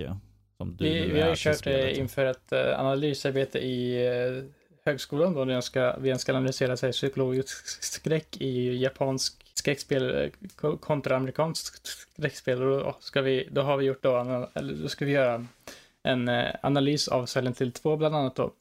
Och eh, vi har väl kommit in eh, typ några timmar in i spelet och eh, hittills tycker jag att det är väldigt välgjort för sin tid. Även om det finns vissa brister som är väldigt uppenbara liksom för sin tid.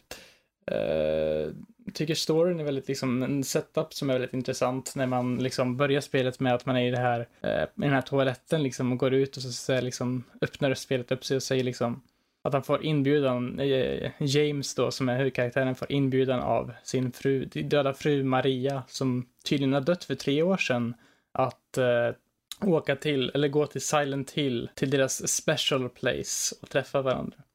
Och det är egentligen hela uppbyggnaden. Eh, James går ut och eh, in i staden och möts av en stor dimma, möter en karaktär som heter Angela som säger att hon letar efter sin mamma som är försvunnen. Och han går in i staden och Eh, saker börjar hända kan man säga. Det kommer monster överallt och det kommer en stor karaktär som heter Pyramid Head som är väldigt ikonisk eh, fiende i Silent Hill 2. Eh, och ja, Eh, det som jag egentligen, lite så här klumpigt är ju egentligen kontrollerna i spelet. Det är ju så här tank controls från sin tid. Du måste liksom flytta runt kameran för att kunna styra liksom vad du skjuter och vad du gör liksom. Och sen när du ska ha liksom en handgun och du ska och du får slut på ammunition för handgun just då så måste du gå in i menyn, eh, ta in ny ammo och sen gå ut i menyn, gå in i menyn. Liksom bara tio skott har du liksom. Du måste liksom använda menyn väldigt mycket och så. Och sen är väldigt uh, märkliga pussel ibland när du ska liksom, det känns som att det är mer en nyckel collecting the game. Du ska hitta olika nycklar för att ta dig från rum till rum liksom. Uh, men uh, saker jag gillar väldigt mycket är liksom uppbyggnaden av berättelsen är väldigt intressant. Sen tycker jag väldigt mycket om musiken som har spelats hittills också. Den är väldigt stämningsfull och har väldigt liksom, det känns väldigt minnesvärd på något sätt. Det är få skräckspel som jag tänker så mycket på musiken faktiskt som jag gör i detta än så länge. Eh, det känns väldigt, jag har hört från många andra att den är väldigt ikonisk också. Den är väldigt ikonisk. Det. är I ja. alla fall inom skräckspel så är den väldigt ikonisk uh, musik i alla fall. Som ja. För det, just det här spelet i så fall. Men det är ju såklart en produkt av sin tid på många sätt. Men det är ändå en, eh, ja, jag tycker det är väldigt solitt så här långt ändå. Eh, eh, trots sina tid, liksom brister av sin tid och sånt så ja, det ska intressant. Vi ska fortsätta med det imorgon efter den här inspelade, eh, inspelade avsnittet så ska vi fortsätta och förhoppningsvis bli, bli, klara med spelet imorgon så vi kan börja analysera lite mer. Men ja, det blir intressant. Mm, intressant i alla fall att höra du som utav oss som sitter här nu i podden, den, den yngre, yngre biten av podden och höra vad du tycker om ett så gammalt spel egentligen. Att ni gör en analys också på det.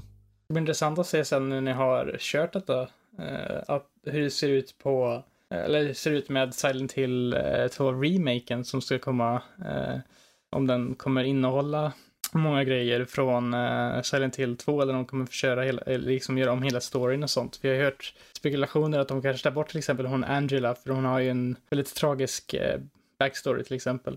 Mm. Uh, och att det kanske inte riktigt är acceptabelt på samma sätt idag, kanske någonting och sådana saker. För det, det, det är ett det extremt... Det är lite av ett problematiskt ämne. Ja, det hon så. har är ju väldigt så. Uh, och det är alltså överlag en väldigt, uh, alltså jag vet ju grejer om det redan. Och jag, ju, jag har vetat lite grejer innan också på liksom, jag har läst om det och sånt. Eh, och vad egentligen hela, allting är baserat på, varför det är som det är lite grann. Och det är ju extremt, alltså det är extremt tungt ämne egentligen som det tar upp. Så att det är verkligen så här, ja, vi får se hur de hanterar det Bluebird Team. Eh, hur de kan ta sin egen tolkning av detta. Jag hoppas ju att de gör det så på något sätt så troget som möjligt till originalet eftersom att det är så pass ikoniskt ändå. Eh. Ja, jag har för mig att det sades att de skulle ha en väldigt nära kontakt med originalskaparna för ja. att kunna få med de tematiska bitarna i alla fall. För att det är ju om vi säger så här, det finns ju väldigt många YouTube-klipp man kan eh, titta på som går igenom liksom eh, tolkningar och sånt och vad allting betyder i spelen. Till exempel eh, Pyramid Head. Vad är, han, vad är han en manifestation utav? Och eh, alla monster, vad är de för manifestationer? Det finns tolkningar till allting sånt där för att de har inte varit jätte Alltså utåt har de inte sagt exakt de här betyder det här men att man kan liksom ifall man tittar på spelen och utläsa ifrån vad de gör för någonting så kan man ju dra mm. fram att de representerar de här bitarna. väldigt mycket är sånt. De representerar den här sidan av James eller de här saker som James har eller inte har gjort representerar och därför har manifesterats i den här formen. Så att det finns väldigt mycket sådana som uh, gör sådana här långa uh, klipp där de går igenom och analyserar. Det är lite därför vi också har lite sånt i vårt ämne i skolan, att vi ska analysera det här eftersom att det är ett sånt omtalat spel när det kommer till det här. Men att vi ska göra något nytt med att jämföra det med ett annat västerländskt eh, skräckspel som vi hittade som heter The Suffering som ingen, ingen av oss har hört talas om typ. Ja, ah, The Suffering. Suffering, ja. har kört skiten nu. Eh, så vi tänkte att vi skulle jämföra Och det här Suffering med. 2 också. Ja, men The Suffering 1 är det då vi ska jämföra ah. med. Vi hittade en artikel som är skrivet av designern där till det här spelet. Så att eh, eftersom att det är så annorlunda gameplay det, det verkar vara mer liksom action, eh, liksom väldigt mycket action, eh, monsterdödande och action, eh, till skillnad från till exempel Silent Hill. Där Silent Hill är mycket mer metodiskt. Uh, Silent Hill är mer uh, psykologisk ja. medan uh, The Suffering är mer metafysiskt spel liksom med mentala bilder på saker och ting. Och att saker som har hänt där har manifesterat sig i hur fångar och sånt var. Mm. Så det är ju mycket liksom sådana saker, även om det är liksom innehåll, liksom är lite inom ramen psykologisk skräck vad jag har förstått också, det, det suffering. Men det skulle bli mm. intressant att se liksom, eh, men ja, Silent Hill 2 i alla fall. Eh, blir, blir nyfiken nu av att köra det här, att testa kanske andra delar i Silent Hill-serien också efter detta. Eh, se hur det håller sig. Men ja. Mm. Och se hur det här nya Silent Hill F ja. blir också, som de ska släppa framöver. Precis. Uh, jag tänkte att jag skulle ge en, en, en för, första inblick på uh, mitt recensionsspel som jag sitter på nu som heter The Chant. Vilket är lite av ett skräck, crafting, överlevnad, psykologisk, Cthulhu, monster, skräckspel. Allt möjligt. Det är en salig blandning. Om vi säger så här. Uh, vi får följa en huvudkaraktär som heter Jess. Uh, som åker iväg till ett uh, till en eh, ö som heter Glory Island. Ehm, som är där hon åker på en retreat för att liksom uh, vila upp sig för att hon är stressad, har saker i sin uh, tillbaka i sin historik som hon inte mår bra över. Hon åker dit för att träffa sin kompis Kim som är på det här på Prismic Science Spiritual Re Retreat heter det.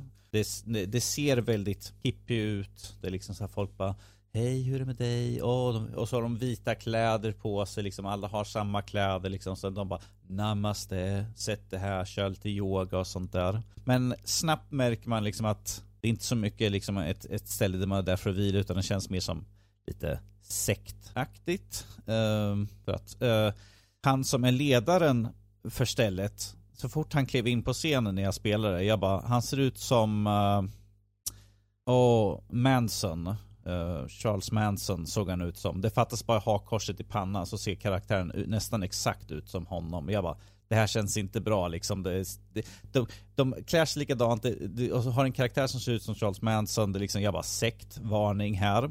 De har en, en seans där de sitter och helt plötsligt så får uh, Jessys kompis Kim ett utbrott och reser och springer ur cirkeln som de säger att man, de, de sa liksom att när vi gör det här så får ingen gå ur cirkeln. Hon springer iväg, shit happens. Uh, Jess börjar se saker, uh, monster, flytande saker i luften. Uh, hon blir attackerad av, det ser ut som människor utan hudar fast de har djurskallar på sig. Mm -hmm. och vi får fightas lite grann och där vi kan fightas med, det första vi har är liksom bara händerna vi kan slå med. Vi typ bitchsläpar folk och kan liksom, liksom hoppa undan.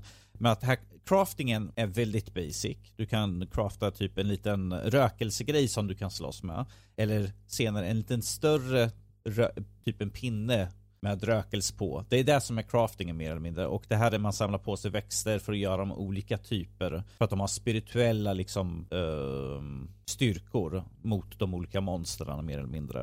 Uh, uppgraderingssystem finns det också, vilket också är ganska grundläggande. Typ mer liv, mer spirituellt. Uh, du kan ta mindre stryk. Det är alltså väldigt basic egentligen. Um, mycket av tiden av spelet går runt och springa mellan de olika områdena, leta efter en karaktär, boss, springa tillbaka, få en, ut, ut till en ny del och som sagt väldigt mycket av sakerna man får göra i spelet är väldigt grundläggande. Storylinen är liksom mer eller mindre, du har åkt till en ö, helvetet bryter lös och du ska försöka ta dig därifrån vid liv. Uh, crafting, basic. Uh, uppgradering är väldigt basic sådär.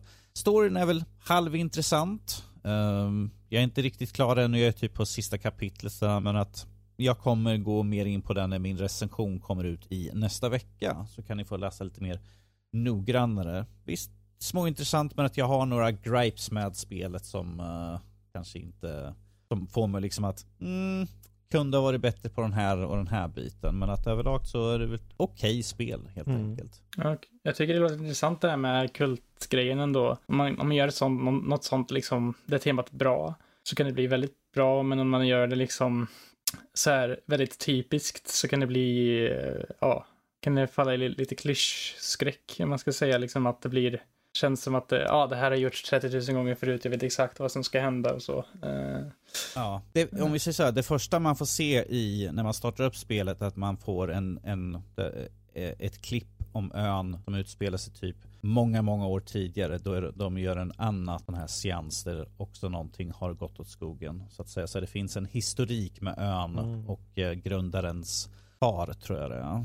Mm. Så att det finns lite historik där. Och jag vet inte hur många lappar, pappersbitar, 16 mm filmer jag samlat på mig och stått och lyssnat och tittat på där de förklarar liksom. Det finns en bestiary där man kan se de här monstren, så här, så här gör du bäst för att, för att liksom spöa skiten ur dem. Det finns liksom att det här är bästa så, så jag har bara slagit, duckat, slagit, slagit, slagit. De, de har också att monster kan attackera en uh,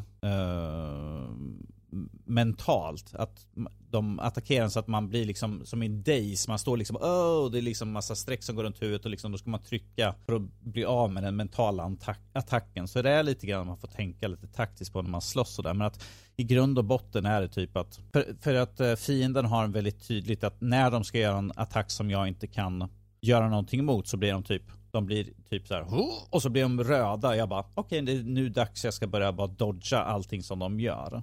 Det är mm. väldigt uppenbart så att även striderna blir till slut att okej, okay, han, han blir röd eller han gör den här grejen. Nu ska jag bara liksom springa, springa runt ifrån dem så att de inte kan träffa mig. Men att det finns väldigt intressanta områden. Man har en väldigt eh, stor variation av områdena på ön i alla fall. Vi, vi är till exempel i gruvor, vi är liksom vid vid ett vattenfall, springer vid ett gammalt fabriksområde, en gammal by eller något sånt där. Så att det är lite variation av eh, det som händer. Och sen har man bitar av hon Jess historia eh, som hela tiden tas upp. Liksom som en stor del varför hon kom dit egentligen. Som nystas upp sakta men säkert. Eh, mm. Så man får reda på varför hon är där och varför hon har de problemen hon har i sitt liv mer eller mindre. Och den skuld hon känner för det som har hänt. Alltså det, det, ser, ju, det, det ser ju ganska intressant ut rent ut. Det ser intressant ut sådär, men att uh, som sagt, det finns saker med spelet som gör att jag liksom backar lite. Jag bara, det här skulle kunna gjorts bättre. Liksom, mm -hmm. Tempot ibland är lite ojämnt. Att ibland springer ja. du, det händer massvis och ibland är det liksom, gå och prata med de här personerna, liksom, gå och samla och göra det här.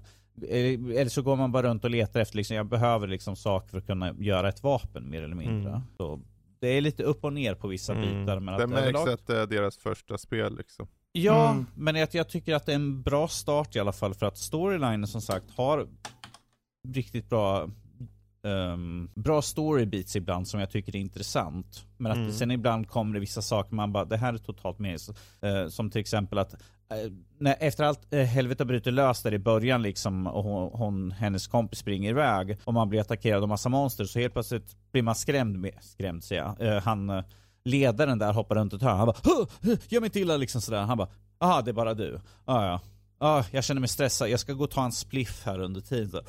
Jag bara, åh oh, gud, jag bara, okej. Okay. Så han är ingen nytta alls. Jag, man tänker liksom, ah, men han kommer vara bad guy. Det är första man tänker liksom sådär. Men han är liksom såhär, jag ska bara gå och röka lite grann i ett hörn. Så, uh. Jag bara, ja okej, okay. totalt meningslös karaktär liksom som, ja ja. man, man, man, tror en sak så visar det sig att en helt mm. annan sak. Man bara, ja ja, okej okay, fine. Jag ser vad ni gjorde där sådär. Men som sagt, mer recension kommer komma ut i uh, veckan så kommer det här nu. Uh, så ni kan läsa mer noggrant på mina tankar och åsikter om spelet. Så. Uh, jag tänkte att vi tar och rundar av det här avsnittet med att höra från dig Fredrik om Evil West. Ja, Den onda västern. Den onda västern. med Tuffing McTuffson, som han heter. Eh, klyschorna är stora i, eh, i västernmiljön där vampyrer trots det inte känns så klyschiga för hur ofta ser man vampyrer och varulvar i västernmiljö. Men trots det så lyckas eh, Focus Entertainment och Flying Wild Hog med att få det ganska klyschigt och lite så här storymässigt blaha blahaigt.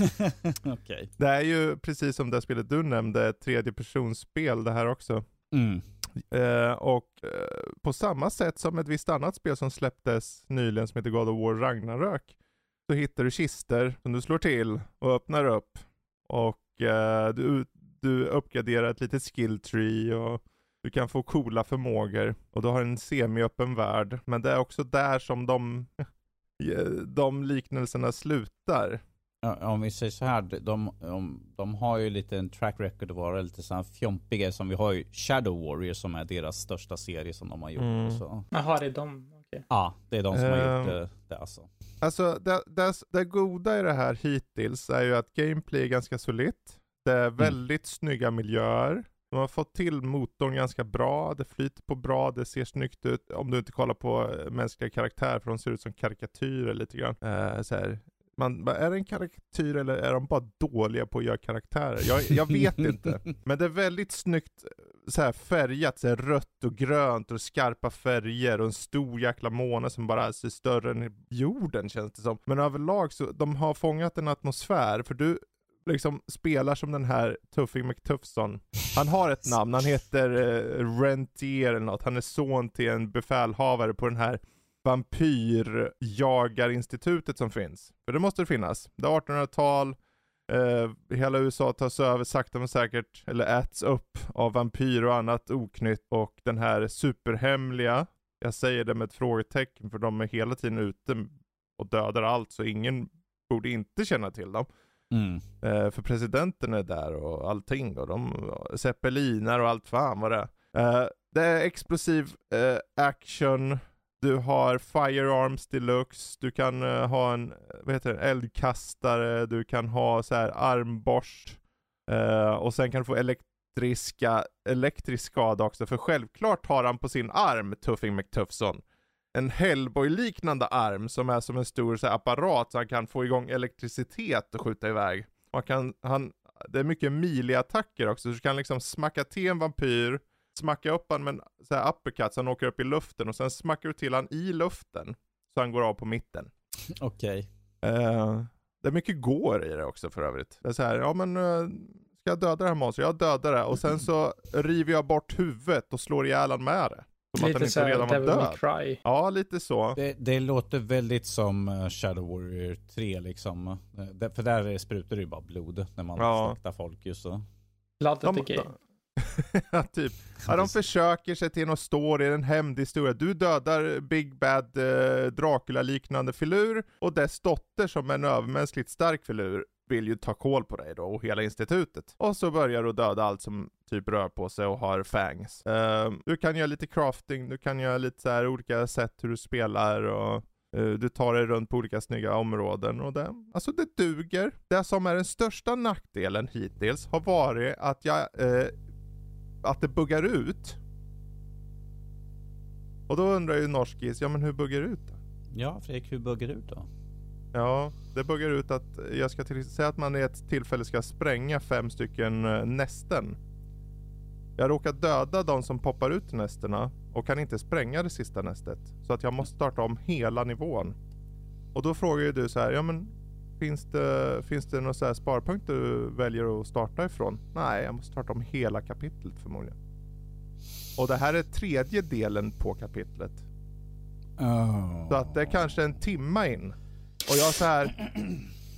Fudge me in my hole. Måste jag börja om det här? Oh. Och där slutade jag spela. Jag hade ändå, jag har kört typ 60 60-70% på det. Alltså det, sånt är jag typ allergisk mot känner jag. För att då blir man ju bara liksom helt mm. galet frustrerad nästan. Det var det att... tillfällen när han fastnade så här. Man öppnar en kista och sen ska jag gå ifrån kistan. Han står fast. sitta i, som att han är låst i överkroppen och kan inte gå därifrån. Ja, det, det är patchar då som behövs. Det är ju väldigt surt i alla fall ja. när man kommer till sådana punkter. Jag har ju haft på några spel liksom där har liksom man bara ja, det är någonting som är fel. Jag kommer ingenstans. Mm. Jag får liksom starta om. Som tur var var det ett spel som hade ganska generöst med liksom spara. Mm. För det, jag kommer inte ihåg vilket spel men det står liksom sparade senast tre minuter sedan. Mm. Och då är det liksom så här, ja, men jag kan starta om för att, eller ta spa, från senaste spartillfället sådär. Det bör, jag bör ju säga, det är inte som jag haft det hela tiden, men när det här sista hedde, sked, skedde då jag bara, jag, jag har det en liten punkt framför mig, så den här saken ska du spränga. Mm. Och du ska spränga med den här explosiva saken som du precis låst upp. Okej, okay. ja. jag kastar den. Händer inget. Och där, spelet säger, du ska spränga den här. Okej. Okay. Mm. Och då säger spelet igen, du ska spränga det här Tuffing McTuffson. Hallå? Hallå? Uh, så det är lite så här, det är synd, för det, jag har som sagt kört det här i kapitel 11 typ, det är 17 kapitel, jag kommer en bit. Oh. Uh, det finns co-op, online co-op. Mm. Uh, och om jag ska vara, avsluta på en positiv not, det är liksom, spelet har en grundläggande nivå som jag tror vem som helst kan ta sig an och tycka är kul. Det är väldigt tydligt upplägg. Du går i en korridor, du får hitta lite grejer och sen om du ser ett större fält, då är det fiender alltid där och du måste döda dem innan du kan gå vidare. Och så går du genom en smal korridor och sen är det ett öppet fält. Och så är det så hela tiden. Det finns inga så här low parts där du kan gå runt och bara prata. Du har det typ på så här institutet för lite hubb. Men det är bara mm. till för att du ska bocka av det för att gå vidare ut i världen och döda monster igen. Och då går du i en korridor, hittar lite hemliga grejer, låser ett litet pussel eller och så är det stort öppet fält och det, det, allting är så signalerat så tydligt så att det finns nästan så jag kom på mig själv, ah, jag måste gå över den här, jag måste gå in i det här öppna området. Det kommer säkert vara massor med fiender. Och ibland så ser du fienderna innan du går in och då tänker jag, men jag kan skjuta dem på håll. När du har spelet låst så att du kan, då kommer det upp, nej jag kan inte skjuta dem. Du måste gå den här metern till. Så du kommer in mm. i området. Jag vet inte. Det, jag tycker det har någonting. Storyn är eh, kanske inte det bästa, men det ser snyggt ut. Det är väldigt blodigt. Det är ganska kul mekanik. Uh, och jag tror så här, det, vem som helst kan nog plocka upp det och ha kul faktiskt. Uh, jag hade väl önskat att det skulle vara, de skulle tagit bort en hundring på priset. Det är inte värt 500. Hade det varit 399? Ja. Jag, jag menar man, man märker ju liksom, liksom, är det verkligen värt liksom prislappen man fått? Nej, kanske ibland inte. Hade det varit billigare hade kanske man liksom, det är som vi brukar säga med må, många saker liksom. Hade det varit liksom ett par, någon, en hundring, 50 spänn eller något sånt där mindre så kanske liksom hade fått en mm. bättre utmärkelse ifrån en och så här liksom att, men det här tycker jag definitivt man ska kolla in men liksom, vanligtvis brukar det vara Liksom så här, ja men vänta tills det är billigare eller något sånt där, för mm. då är det mm. mer värt din tid. Så att ja, säga. jag tror det kommer gå ner snabbt i pris, jag tänker mig. Det, mm. det är inte det, dåligt så. Det, är mest så det har lite otur när det tänker bara. Mm. Men det är så här fullpris nu, 699 typ? Ja, nu kostar det 49,99 på Steam. Okay. I euro. Det är 500. Det är, så här, det är lite för högt känner jag för det här. Det är, en, det är ett bra, solitt spel. Men det hade nog mått bra av en 39,99 pris sådär. Mm. Men får vi se, sen kanske jag kör mot slutet nu. Det är ju samma fiender mer eller mindre hela tiden också, så det är inte så jätte... De, du, för varje ny område får du en ny fiende typ. Resten är bara samma igen. Okej. Okay. Mm, det är inte så kul alltid. Nej, jag vet inte riktigt vad jag tycker. Jag, ibland tycker jag illa om det, ibland tycker jag om det. Vi får se när du har kört klart hela spelet och se om... Ja. Eh, precis, Precis vad, den slut, vad den slutgiltiga Kanske kommer en plot twist bara, ja. wow. Det är väl där, just nu så här, jag, jag har med flit lagt ifrån mig spel bara för att jag, ja, jag vet att jag måste börja om kanske ett kapitel innan. Jag vet inte om det har fudgat ut mer liksom. Mm. Mm. Ja. Man blir ju lite så när man har, när det händer något sånt så blir man liksom bara, ja, nu, nu kör jag inte lite på ett tag för att jag orkar inte köra om det här, hela det här partiet precis efter igen. Liksom. Så ja. Ja, som sagt, eh, ett spel som man kör kan ju vara liksom att det kanske har en, en, en dålig inledning men att det kanske mellan och mm. slutet liksom väger upp tillräckligt ja. mycket för att ta dem. Det kanske kan vara liksom att de hade liksom en dålig planering för första biten men att de kanske liksom under utvecklingen av spel liksom, fick, vi kan fixa det och få bättre liksom i mellan och, mellan och tredje akten liksom. Kanske det, annars jag menar jag har blivit färgad mest av att de här buggarna har kommit och det har varit nu mot i mitten av spelet. I början var jag ganska positiv till det faktiskt. Mm. Uh, överlag ganska väl positiv till och med. För att det var väldigt tydligt vad spelet ville vara. Men sen var det så tydligt att, okej okay, det är samma gameplay, men att du får nya vapen hjälper jättemycket. För det är ganska roliga vapen. Mm. Och du kan uppgradera dem och sådär. Och du har perks och grejer. Ja, mm. om, om säger så här, det är ju någonting de har lite grann som sagt med uh, Shadow Warrior-serien, liksom ha vapen och, och, sånt som är lite, lite lustiga mm. att använda sådär och lite udda skjutvapen och sånt. Och det, det är väldigt mycket av det går ut på liksom att leka runt. Hur tar jag mm. ut fina på ro, roliga sätt? Inte liksom kanske det mest effektiva sättet. Hur har jag kul? Ska jag ja. använda liksom svärdet? Ska jag ta pistolen och skjuta skallen av dem? Eller ska jag göra någon kombination och hoppa liksom skutta bakom och hugga dem i ryggen och mm. sånt där? Det är ju där också, det är ett synd för att spelet så här, det uppmuntrar inte dig till att riktigt testa alla vapen. För det är så här, du tar som spelare, okej okay, jag förstår att det här vapnet är bäst, varför ska jag då mm. ha de andra? Hade det varit mer balanserat, det är fortfarande roligt att gå runt med en eldkastare. Men när den inte är så effektiv så blir det som att, ja men då tar jag den här armborsten som skjuter typ metallrör med elektricitet istället. mm. Eller vad det är för något. Why not? Liksom. Jag menar, måste ju roa sig på något sätt. Just sådär. Mm. Eh, som sagt, det, det, är ju det som kan väga upp kanske en lite sämre gameplay och sånt där, ifall det finns ett roligt aspekt, liksom att lite lekfullhet mm. i hur du liksom gör saker. Kanske resten av spelet är kanske inte bästa med att ifall det själva som sagt, det går ut på att mörda folk höger och vänster. Så ifall den biten kanske är rolig, mm. då kan det ju väga upp ganska tungt egentligen för ett spel som kanske annars skulle bara vara en medioker upplevelse. Sådär. Precis, precis. Mm. Men uh, jag tycker att då är vi klara. Um, för den här gången i alla fall. Och uh, vi kommer ju som sagt nu ha våra julavsnitt här nu under december månad. Och sen kommer vi ha Goti i början på året där. Och sen kommer vi komma tillbaka med ordinarie avsnitt igen 15 den, tror jag Den 15 precis. Mm. Ja. Så ni får ja, lyssna på lite... den åttonde, så häng med då. Så får ni mycket godis under tiden, lite julgodis här. Uh, och, och, det är kul att börja, för idag är det ju första advent när ni hör det här. Mm. Förhoppningsvis i alla fall, om inte annat några dagar efter. Ja. Ja, så kan ni sitta med en lussebulle i näven och lyssna på oss när vi rantar runt om spel och allt annat sådär. Mm. Men med det sagt så vill ni ha mer av oss kan ni hoppa in på vår hemsida nördliv.se. Uh, eh, vill ni kanske chatta med någon av oss kan ni hoppa in på vår hemsida återigen och hoppa upp till höger, högst upp till höger så har vi en stor ruta som det står Discord och det finns en knapp som det står Connect.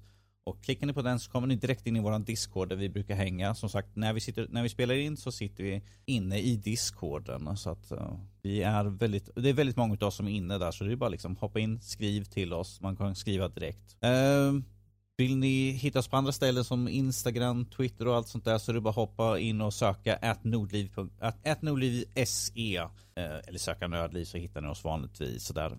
har ni frågor så kan ni skriva till oss på info.nordlivpodcast.se Alternativt kan ni hoppa in på vår Discord för vi har en, en, eh, en avdelning på den som heter Q&A för podden där ni kan skriva frågor direkt där som vi tar upp eh, här i, i avsnittet. Men med det sagt så vill jag tacka Jesper och Fredrik för det sista ordinarie avsnittet här nu under 2022. Här. Mm.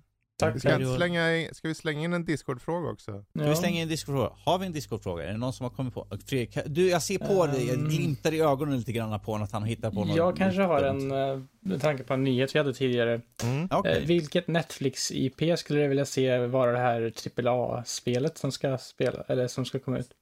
Jättebra. Skriv, skri, skriv upp det medan du har det direkt, för att jag och Fredrik är gamla och glömska sådär så. Ja herregud, nu, så här, jag tänkte, men vad, är, vad äter ni helst till jul? Jag tror din är mycket roligare. Palt. Palt? Ja. En, en, en torr sko. Ja. ja. Men, Yay. ja, nej. ja, men där har vi den. Vilken ja. Netflix IP skulle du se göra som det nya AAA-spelet. Som sagt, väldigt mm. intressant att de hoppar till AAA på direkten. Det är inte liksom som... Det är en bra uh, fråga faktiskt. Stranger Things-spelet som var liksom ett pixelspel, liksom mm. low effort där liksom, in, in, ja. ingen AAA. Så ni kommer se den här frågan på våran Discord. Uh, vi har en, en mapp där också som är Discord-frågan. Ja, Men, omröstningar heter det. Om, omröstningar. Um, då kan ni hoppa ja. in och klicka i vilken ni helst skulle vilja se. Så skickar vi till Netflix och säger att våra lyssnare har röstat. Ja. Ni måste göra på det här nu. Banne mig. Ja, gissas ja. Amalia. Ja. Ha, en, ha en trevlig första advent. Ja. Precis. Glad första advent lyssna på det. Och eh, glöm inte att lyssna på våra roliga julavsnitt. De kommer vara en fröjd. Ja. ja. Ha det så bra allihopa så hörs vi igen i januari på riktigt. På riktigt, precis. I ordinarie. Ordinarie då. Ordinarie, ja. precis. Hej då. Vi tackar för oss. Hej då. Hej då.